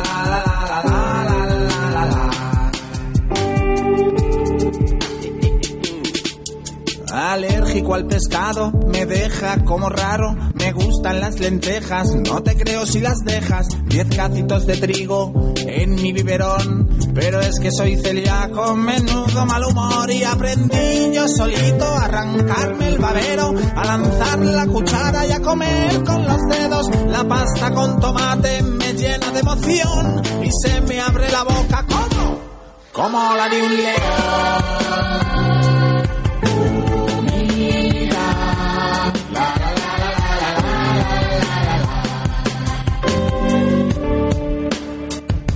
Sabes que la comida es mucho más que llenarme la tripa sin razón. Una cosa es cuidar el percentil y otra cosa es llenar mi corazón. No quiero que me obliguen nunca más, sino como es por alguna Doncs vinga, que anem a parlar de, de comida, de comida, de comida, anem a parlar de menjar, perquè el proper 2 de març és el Dia Mundial contra l'Obesitat. És un dia dedicat a abordar el problema de l'obesitat, que molts cataloguen d'epidèmia mundial. Cal abordar el tema amb experts, i per això, com cada 15 dies, parlem amb el nostre nutricionista de capçalera, el Guille Mena, que el saludem. Guille, molt bona tarda. Molt bona tarda, com esteu tots? Molt rebé, molt rebé. La obesitat, com he dit al principi, és una epidèmia, Guille? Doncs ara mateix no et sabria dir si és epidèmia o ja és pandèmia. No, el que sí que et sé dir és que les dades són alarmants i aleshores a nivell de salut pública hi ha un, hi ha un, hi ha un problema important, sobretot quan estem parlant d'obesitat infantil i en territori espanyol que ja estem assolint i superant els números de, dels Estats Units. Per tant, la magnitud del problema ja estem en un llindar de que hem de posar accions eh, perquè si no aquest problema serà infrenable. Exacte, hi ha un problema, no, Guilla, que té dos vessants, òbviament, potser l'obesitat en adults, però és més preocupant encara l'obesitat infantil? Bueno, en realitat és igual de preocupant, d'acord? Perquè l'obesitat en general és una malaltia que es cronifica si no es tracta a temps, ja, ja que hi ha molts factors involucrats, no només factors metabòlics i hormonals, sinó també factors com hàbits, no? i canviar hàbits ja sabem tots que és el més complicat que hi ha. Aleshores, ja no només per un tema de salut, sinó també per un pacte econòmic del, del país, eh, tenint en compte, per exemple, doncs, tots els fàrmacs que van associats, les malalties que són derivades de l'obesitat, com per exemple els problemes cardiovasculars o les diabetes, les dislipidèmies, doncs és tot com un efecte dominó. Eh, per aquest motiu, eh, no, no ens hem de pensar dues vegades com a professionals sanitaris, científics, de que realment s'han de posar normes més estrictes a l'hora de donar pautes nutricionals, eh, missatges de salut pública a la població i també tindreu en compte de cara a la creació de nous productes eh, innovadors per intentar regularitzar el que és la, aquesta pandèmia. Mm -hmm. Parlaves de malalties. Quines altres conseqüències té l'obesitat? Doncs sobretot jo destacaria també que l'obesitat té un, un, un problema associat que a les escoles sempre s'ha viscut però, però que, que va més, no? que és la, la insatisfacció corporal eh, o els problemes psicològics. Eh, és, és un factor que d'alguna manera eh, està, està reportat científicament, però que no se li dona tota la importància que, que deu. És a dir, una persona quan, quan està per sobre del seu pes, no? i quan estem parlant de nens, normalment eh, pateixen d'assetjaments a, a nivell escolar. Eh, és un dels motius principals.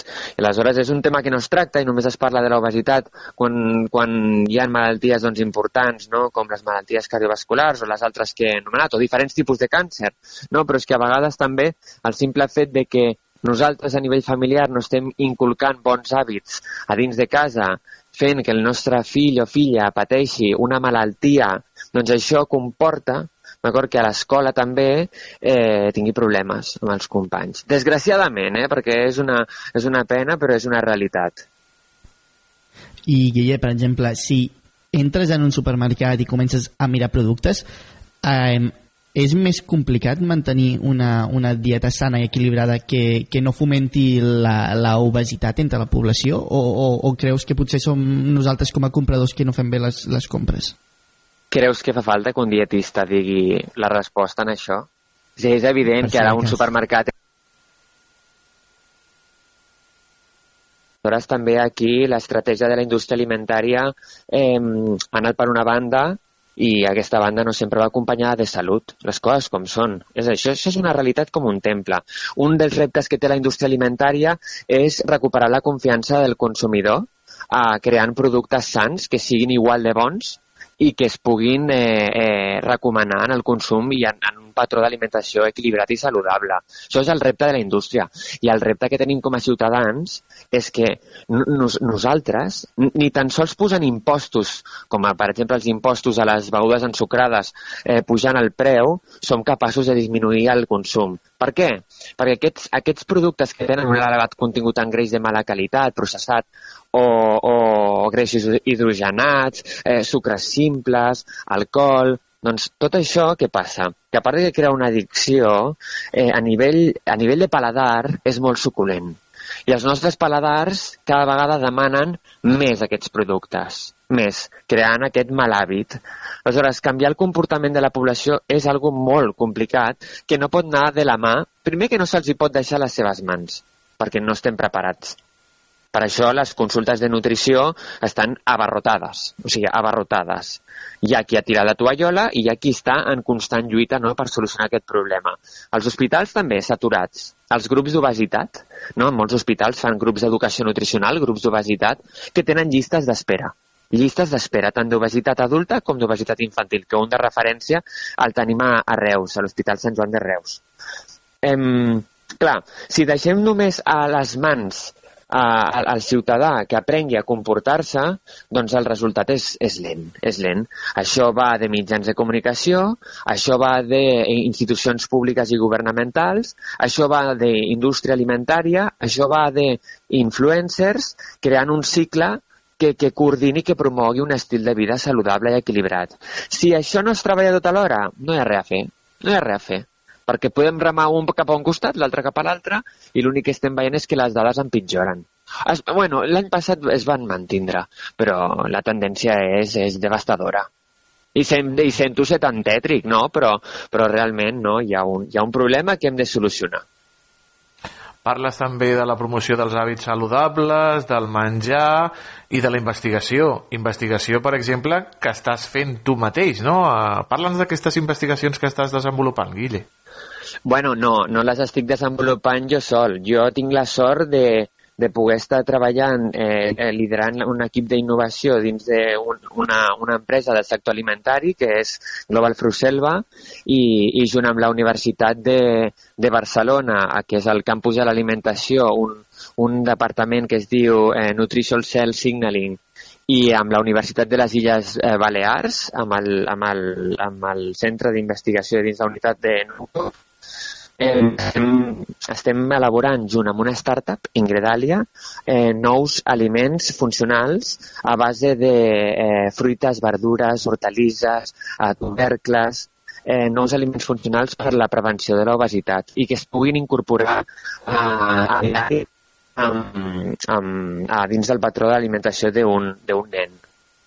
Aleshores, clar, tindre aquesta oportunitat doncs és, és fantàstic perquè dius, ostres, eh, si estem alineats amb, amb una investigació molt potent, una investigació molt potent que s'ha presentat a, a, al Ministeri, eh, que s'ha guanyat aquesta subvenció i, i, i la convocatòria alinea el que és eh, la institució pública amb l'empresa privada. Aleshores, això ja diu molt, no? És a dir, que, que hi hagi l'oportunitat i que es financin aquestes investigacions, diu molt. I això és un pas, i això és un pas de molts que es fan, però falta més. Petits passos importants eh, que fa el nostre nutricionista, el Guillemena, eh, per cuidar-nos a tots eh, des del carrer Major al programa de les 8 emissores del Camp de Tarragona i la xarxa de comunicació local. Guille, com sempre, un plaer escoltar-te i tornem a parlar d'aquí 15 dies de més temes interessants eh, per cuidar-nos per fora i per dins. Moltíssimes gràcies. Que vagi molt, molt bé la tarda. Una abraçada, Guille. Adéu, adéu. Carrer Major, la proximitat del Camp de Tarragona.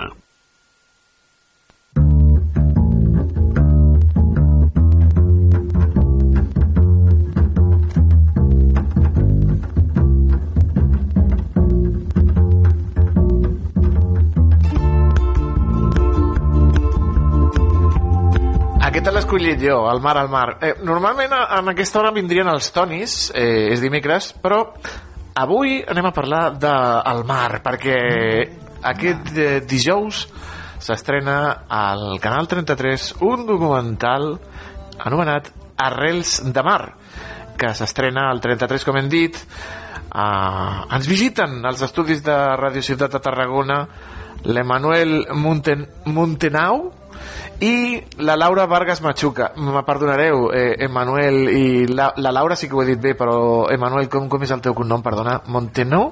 Hola, bones. És Monteano. Monteano. Pues Sí. mira, jo, jo llegint-lo en francès, Monteano i la Laura Vargas Machuca. Bona tarda a tots dos, com esteu? Molt bona tarda, molt bé. Què és Arrels de Mar? Arrels de Mar és, és un documental que explica històries d'amor, de, de superació i, i d'esperança, també de pèrdues de, dels homes i dones que han dedicat o dediquen la, la seva vida a la mar. Són els testimonis de, de pescadors, de remendadores, de mestres d'aixa, que estan als, als nostres ports, no? en concret al port aquí de Tarragona al Serrallo, a Cambrils, a les cases del Canà i a la Ràpita. I com va sorgir aquesta idea? Potser tenia una història a partir d'aquí, vau anar traçant i vau traçar els eixos o vau anar buscant histò- històries. Una mica com es va fraguar aquest documental?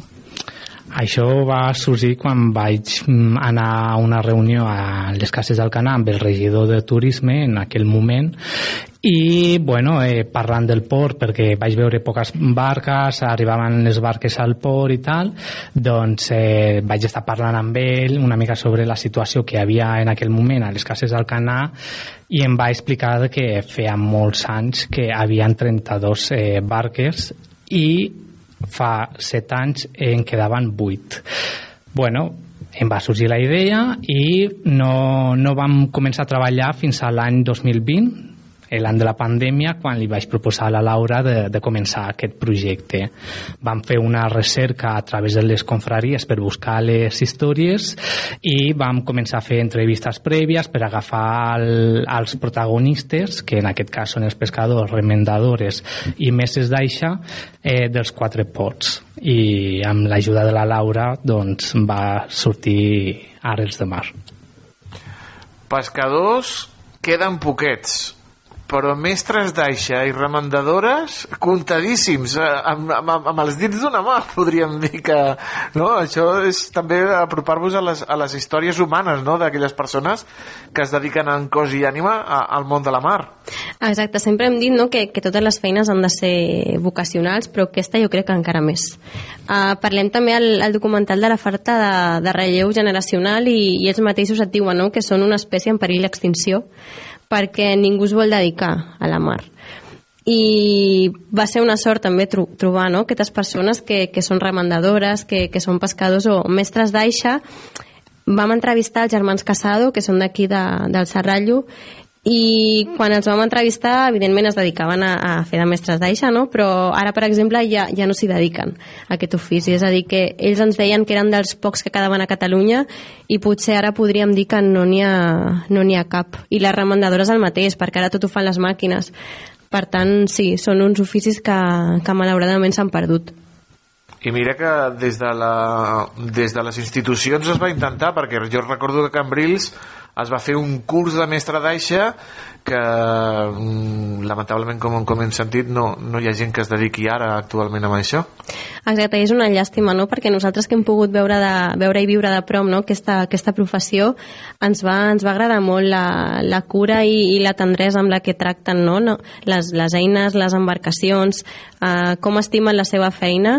Crec que si la gent ho, ho visqués des de dins o tingués algú proper que s'hi dediqués a aquest ofici, doncs li entrarien ganes, no?, de, de, de almenys provar-ho i després doncs, ja dedicar-se a una cosa o una altra, però també és veritat que, com dèiem abans, ja avui dia tot ho fan les màquines o els ordinadors o, o altres maneres que no sigui tan artesanes, no? Uh, la gent es desencanta, perd aquest interès i busca altres oficis on es pugui guanyar bé la vida. i també volíem preguntar una mica com ha estat el, el funcionament, com, com heu treballat en aquest equip, com us heu integrat també una mica en les vides de- d'aquestes persones vinculades al mar també, què és necessari a l'hora de- d'enregistrar i captar tota aquesta essència de, de, de la gent que viu de cara al mar? Bueno, nosaltres, eh, com hem dit abans, vam contactar amb les confraries dels quatre ports i a través d'ells ens van anar proposant històries i gent que es dedica no, a la mar. Eh, ens vam desplaçar a cada port, vam fer unes entrevistes prèvies per conèixer bé totes les històries. Eh, com estàvem en pandèmia també vam tenir una mica la mala sort de tenir que esperar-nos un any de 2020 a 2021 per poder començar la gravació perquè tenies que anar amb seguretat bueno, amb mascarilla i tal i eh, a través de les entrevistes vam crear tot el guió no? que, que parlem del passat el present i el futur de, de la pesca, no? d'aquest ofici de, de la mar els heu acompanyat, no? Heu pujat a la barca a, a pescar eh, i heu vist que, ui, és una feina guapíssima. Es menja molt bé, això sí, eh? El, bordo, el ranxo de bordo és espectacular, però... Mira, diu que sí, diu que sí. No, no, jo tinc el meu dubte, eh? Jo tinc el meu dubte perquè... No t'agrada el ranxo de bordo? No, no, el problema és que vam pujar amb la Maribel Cera a la Ràpita a gravar-la, no?, a la seva jornada laboral i jo vaig estar 8 o 10 hores hores que vam estar amb ells marejat. És que no vaig ah, poder ni menjar ni absolutament res. La única que es va salvar va ser la Laura, en un equip ple d'homes. Perquè després diguin, veus? No, no, no, no, no, no, es diu... No, no, no, no. Sí, està demostradíssim, Laura, està demostradíssim que els altres, mira, els valents... Sí. No, va, va, ser, va ser molt guai el poder sortir a, a pescar, no? En, en aquest cas amb la Maribel Cel, de les poques pescadores que, que hi ha a la Ràpita, perquè valores, com dèiem abans, igual que amb els mestres d'Aixa, valores també la tasca de, dels pescadors i més d'ella d'una persona sent, sent una dona, no? En, en un món que en principi és d'homes, que s'hi dediqui a aquest ofici i que a més el seu pare i el seu germà li donin suport i li obrin les portes, doncs ens va, ens va semblar meravellós i per això és una de les històries més potents, podríem dir, d'aquest documental. Però sí, viure in situ el, una jornada de pesca et fa valorar molt més aquell peix que després tens al plat. Uh. El vau estrenar el documental per Sant Pere, el patró dels pescadors. Eh, ara arriba al Canal 33. Ojo, eh, a la televisió de Catalunya. Com van els nervis i, i com va ser la reacció del públic el dia de l'estrena? Bueno, nosaltres vam fer estrenes a diferent, bueno, als quatre ports de, de la província, no? on vam estar gravant. Ho vam estrenar també per la televisió TAC12, la televisió d'aquí de, de Tarragona, i ara estem amb molts nervis per demà a la nit per, per veure-ho a través del canal 33, no? És una plataforma, bueno, és eh, la televisió de Catalunya i et fa molta il·lusió no? que, que t'arribi la contestació de, de TV3 que estan interessats eh, en, el, en el documental. Sí, a més I... també hem estat parlant amb, amb els protagonistes no, de, de Res de Mar i també estan molt contents i amb moltes ganes de veure'l i, i per tant nosaltres més encara perquè al final és, és la recompensa de la nostra feina però també a la d'ells, no? perquè sense les seves històries és, aquest documental no, no seria el que és ni hagués arribat on, on està. Sí, perquè seguint amb aquest binomi, no, binomi mar-persones, que heu après durant aquest documental, quins avantatges us en porteu? Creieu que la societat del Camp de Tarragona i també les Terres de l'Ebre viu de cara al mar o realment només ho fan aquell grup reduït de persones? Jo crec que no ens hi donem l'esquena, però sí que és veritat que podríem viure una miqueta més de cara al mar, no? Hem de valorar molt, i més aquests dies que, que és notícia no? al, al sector primari, hem de valorar molt més la, la feina que, que fan aquests professionals i aquestes professionals. En, és el que dèiem abans, no és només el peix que t'emportes a la boca, és que és tot el que hi ha al darrere, és, és, està jugant amb el pa de la gent, no? És, és una manera de viure. Aquí al Xerrallo, per exemple, ells t'ho diuen igual, no? que sí, que són tarragonins, però al final són serrallencs i serrallenques, és, és, és una, com, com una espècie de banda, no ens deien ells al final. Vull dir que sí, que vivim de cara al mar, però, però podríem fer-ho molt més, i aquest documental al final també és una, és una reivindicació a això, a que, a que estiguem vivint més de cara al mar i, i valorem, valorem la, la feina que fan. Home, i tant, el Serrallo, ja ho saps, és una república independent i també a Cambrils eh, la gent de mar i la gent de poble o ets, o ets de poble o ets, o ets pescador o ets, ma- o ets bolero o ets mariner però no, no, són, són dues espècies ben diferents demà al canal 33 en quina hora el podrem veure? A les 23.05. Bona hora. Sí, Home. sí, sí. Ara perfecte, ja has acabat de sopar, ja estàs tranquil·let al i sofà, ja està, no hi ha res millor. Amb un, amb un descafeinat Amb un descafeinat i tant. A més estàs de juernes, vull dir que ja gairebé estàs al cap de setmana, doncs és que no hi ha millor pla. Això la Leis que encara és jove, el jueves. doncs, eh, no sé si desitjar... Bueno, molta merda ja, ja, ja ha estat estrenat i tot això, però sempre va bé, no? Sempre. Exacte. Emanuel Monteanu i Laura Vargas Machuca, moltíssimes gràcies eh, per acompanyar-nos aquesta tarda al carrer Major. Recordin, demà al 33, eh, Arrels de Mar. Una abraçada i que vagi molt i molt bé. Moltíssimes gràcies. Gràcies. Cada tarda de dilluns a divendres fem parada a Carrer Major.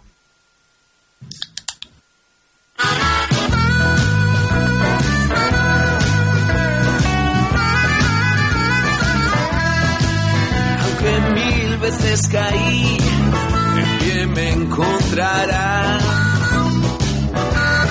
Home, amb aquest senyor, Uah.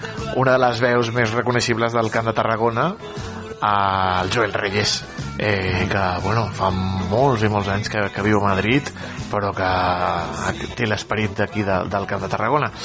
Ens ho explica? Qui, qui ens ho explica, això? Doncs el David Aleix. Fernández, no? David Fernández, sí senyor.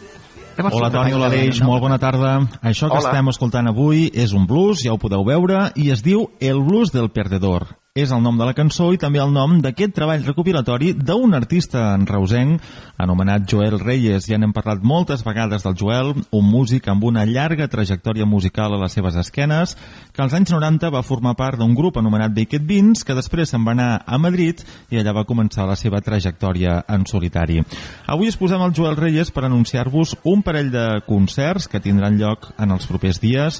Un previst pel dia 2 de març actuarà a Tarragona al Bar Eclèctic amb un concert especial on s'ha juntat amb un jove, reusenc també, també que es dedica al món del rock and roll, com és el cantante del Greco. Faran un concert conjunt, els dos, on repassaran cançons del repertori tant de l'un com de l'altre. Però és que, a més a més, el Joel avui ha anunciat a través del seu Instagram que la gira per tal de presentar aquest disc recopilatori, aquest El blues del perdedor, s'acabarà el dia 5 de maig a Tarragona en un concert a la Sala Zero a partir de dos quarts de set de la tarda, envoltat, això sí, de molts col·laboradors i amics. No sabem si veurem un concert com el que vam veure en el marc del Festival Accents, on el Joel Reyes, a Reus, es va envoltar de molts col·laboradors, de molts músics del Camp de Tarragona, i no sabem si repetirà el mateix o no el dia 5 de maig en aquest concert, com diem, a la Sala Zero. Un concert per tancar aquesta gira del blues del perdedor 20, 30, 50, així es diu aquest disc, en honor als 20 anys que fa que se'n va anar a Madrid, als 30 que es dedica a la música i als 50 que és la seva edat vital. Avui, doncs, en Joel Reyes, un músic experimentat del Camp de Tarragona, és la banda sonora del dia del carrer Major. Intentando escribir el blues del perdedor. Gràcies, David Fernández, amb aquest blues del perdedor del Joel Reyes, i anem amb una guanyadora. amb la Cristina Artacho i la seva furgoneta express. Fas, cada vegada ho fas millor, Aleix, això del Has vist? finyo. A final de temporada veuràs que no, Al final no sabràs diferenciar entre la furgo i jo. Ah, Exacte, no, no sabrem qui és qui. Eh, anem a parlar amb la Cristina Artacho a veure per on para avui. Cristina Artacho, molt bona tarda. Dia més aquí a la Furgó. Avui sóc a l'Hospitalet de l'Infant, concretament aquí a l'Institut de l'Hospitalet de l'Infant, perquè venim a parlar d'unes sessions d'educació emocional que condueix la dona que m'acompanya aquí al costat, que és la Verònica García, que és coach i educadora emocional. Unes sessions que aquest curs 2023-2024 s'han començat a fer per primera vegada aquí a l'Institut de l'Hospitalet de l'Infant, però que la Verònica ja venia fent en altres municipis com Montroig i Miami Platja, no? No sé si la Verònica diu que el que ensenya ella és la comunicació emocional. No sé si ens pots explicar ben bé en què consisteixen aquestes sessions que tu condueixes. I tant, hola, bona tarda. Bueno, t'explico. Eh, és una fusió que he fet jo, no?, de mm, lo que seria la part de comunicació i la part de la gestió emocional. La gestió emocional és entendre eh, i acceptar les emocions que tenim i saber el que ens passa en cada moment i la comunicació seria eh, com parlo jo als altres, com m'afecta el que em diuen i sobretot la part de diàleg intern. Tot això ho fusiono en, en unes sessions pràctiques i dinàmiques que ofereixo als instituts unes sessions que ofereixes als instituts i per, i per tant treballes amb, amb joves, amb adolescents. Quina importància té des de precisament aquestes edats, 12, 13, 14 anys, començar a, treballar en l'educació emocional i en com gestionar les emocions? Bueno, l'adolescència és un període mm, difícil en quant que hi ha un canvi a nivell fisiològic potent, a nivell psicològic i sobretot a nivell social eh, a nivell emocional és super important que entenguin que les emocions que senten i les emocions que tenen són naturals, però que poden eh, regular i controlar les reaccions que tenen amb aquestes emocions, no? sense aquella impulsivitat, perquè al final la impulsivitat el que fa és que siguem una mica titelles de les nostres emocions i al final acabem fent coses que no volem fer, dient coses que no volem dir i, i tenim un lío. És a dir, que tu els ensenyes en certa manera no, en aquests adolescents que no podem evitar moltes vegades sentir-nos com ens sentim o que les coses ens afectin d'una manera cadascú a la seva, no? perquè el mateix comentari pot afectar completament diferent una persona a una altra, sinó que hem d'aprendre a com reaccionem a aquests estímuls que ens fan sentir de manera X o Y. Hem d'entendre que les reaccions que, que tenim provoquen pues, unes conseqüències. Depenent del que fem, seran unes o seran altres. Intentem sempre fer eh, les coses de manera que, que siguem lliures de sentir-nos bé fent el que fem. És el primer any que estàs fent aquestes sessions aquí a l'Institut de l'Hospitalet de l'Infant, encara que ja tens experiència no? en altres instituts d'altres localitats. No sé quin, quina rebuda té aquesta, aquestes classes no? entre els adolescents, quin feedback reps d'ells?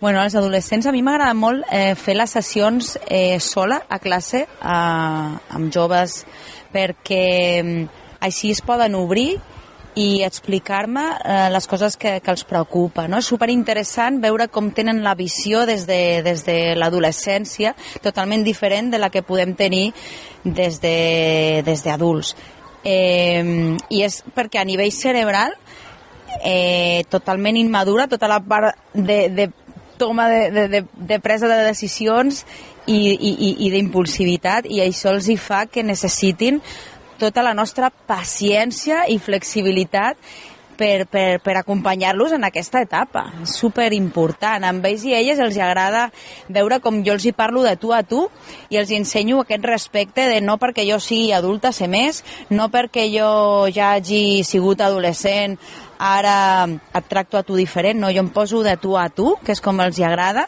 escoltant el que els hi passa, sempre des de la meva visió intentar aconsellar que és el millor eh, en cada moment per la seva vida posar el focus des de joves en no, aquestes emocions i en aquests sentiments farà molt probablement que quan aquests adolescents siguin adults sàpiguen també gestionar molt millor certs, certs problemes o certs moments de la vida? Clar que sí. De fet, per això el projecte aquest que hem començat eh, des de l'any passat són fer dos sessions per classe, començant a primer de l'ESO i acabant a quart, amb la intenció de que eh, els que comencen a primer estiguin quatre anys fent un, sessions contínues i evolucionant a cada nivell segons necessitat eh, per, per edat perquè no és igual parlar-li amb un alumne de primer de l'ESO que amb un de quart de l'ESO. Tenen necessitats totalment diferents. Llavors, el que jo faig és adaptar al, al projecte eh, les seves necessitats. Quan són petits els hi dones aquesta informació que és la que necessiteu ara i quan van creixent els hi dono una altra informació. Ells aprenen a gestionar-se, aprenen a entendre com, com poden regular aquesta impulsivitat i fer coses de manera més eficient i més útil i, i això, clar, estem fent que el, els joves adults aconsegueixin ser doncs, uns adults autosuficients en quant a gestió emocional i que entenguin molt millor com funcionen les emocions, com funcionen els pensaments, com funcionen el diàleg intern. I ja per acabar, comentes que t'agrada molt el- estar de tu a tu amb els alumnes, no escoltar-los, els problemes que tenen, no com se senten. Quines serien aquelles problemàtiques, o més que problemàtiques, preocupacions que trobes que estan més esteses en, en els adolescents? Bueno, els hi preocupa mm, bastant el tema de relacions. Pensa que venen de ser nens. Les relacions amb les famílies canvia perquè necessiten l'espai entre grups d'iguals, necessiten estar amb altres adolescents. Clar, la família no vol deixar d'estar amb els seus fills i filles adolescents i ells es veuen com en aquest eh, conflicte de, vale, jo vull anar amb els meus amics i amigues i també vull estar amb la família, però la família eh, no entén i bueno, hi ha aquest tipus de conflictes. Eh, després amb professors, professores. De vegades ells eh, veuen injustes algunes actuacions per part de, de, de, de, de mestres. Eh, jo els hi ensenyo que igual que ells tenen les seves emocions, els adults també en tenim i que tots tenim eh, dies difícils a nivell emocional i que hem d'aprendre a observar a les persones per saber com ens hem de relacionar aquell dia, en aquell moment. I, i des de la comunicació com és millor dirigir-se i com és millor perquè sigui més útil la, la resposta de tothom. Doncs aquestes sessions d'educació i gestió emocional, no, que són aquelles sessions que alguns quan anem adolescents haguéssim agraït moltíssim tenir als instituts i que fa falta que es promoguin, que imparteix aquí a l'Institut de l'Hospitalet de l'Infant la Verònica García. Moltíssimes gràcies, gràcies Verònica. Tu, gràcies a vosaltres. I nosaltres ens veurem ben aviat a la propera furgó. Adeu. Adeu, Cristina. Adeu. Mira, friquisme, salut amb el Guille, uh, arrels de mar amb els directors, uh, la banda sonora i ara la furgoneta. Programa complet. I, I dos presentadors molt guapos. Bueno, guapíssims, guapíssims. Aleix Pérez i Toni Mateos, que s'acomiaden fins demà. Fins demà. Adéu-siau.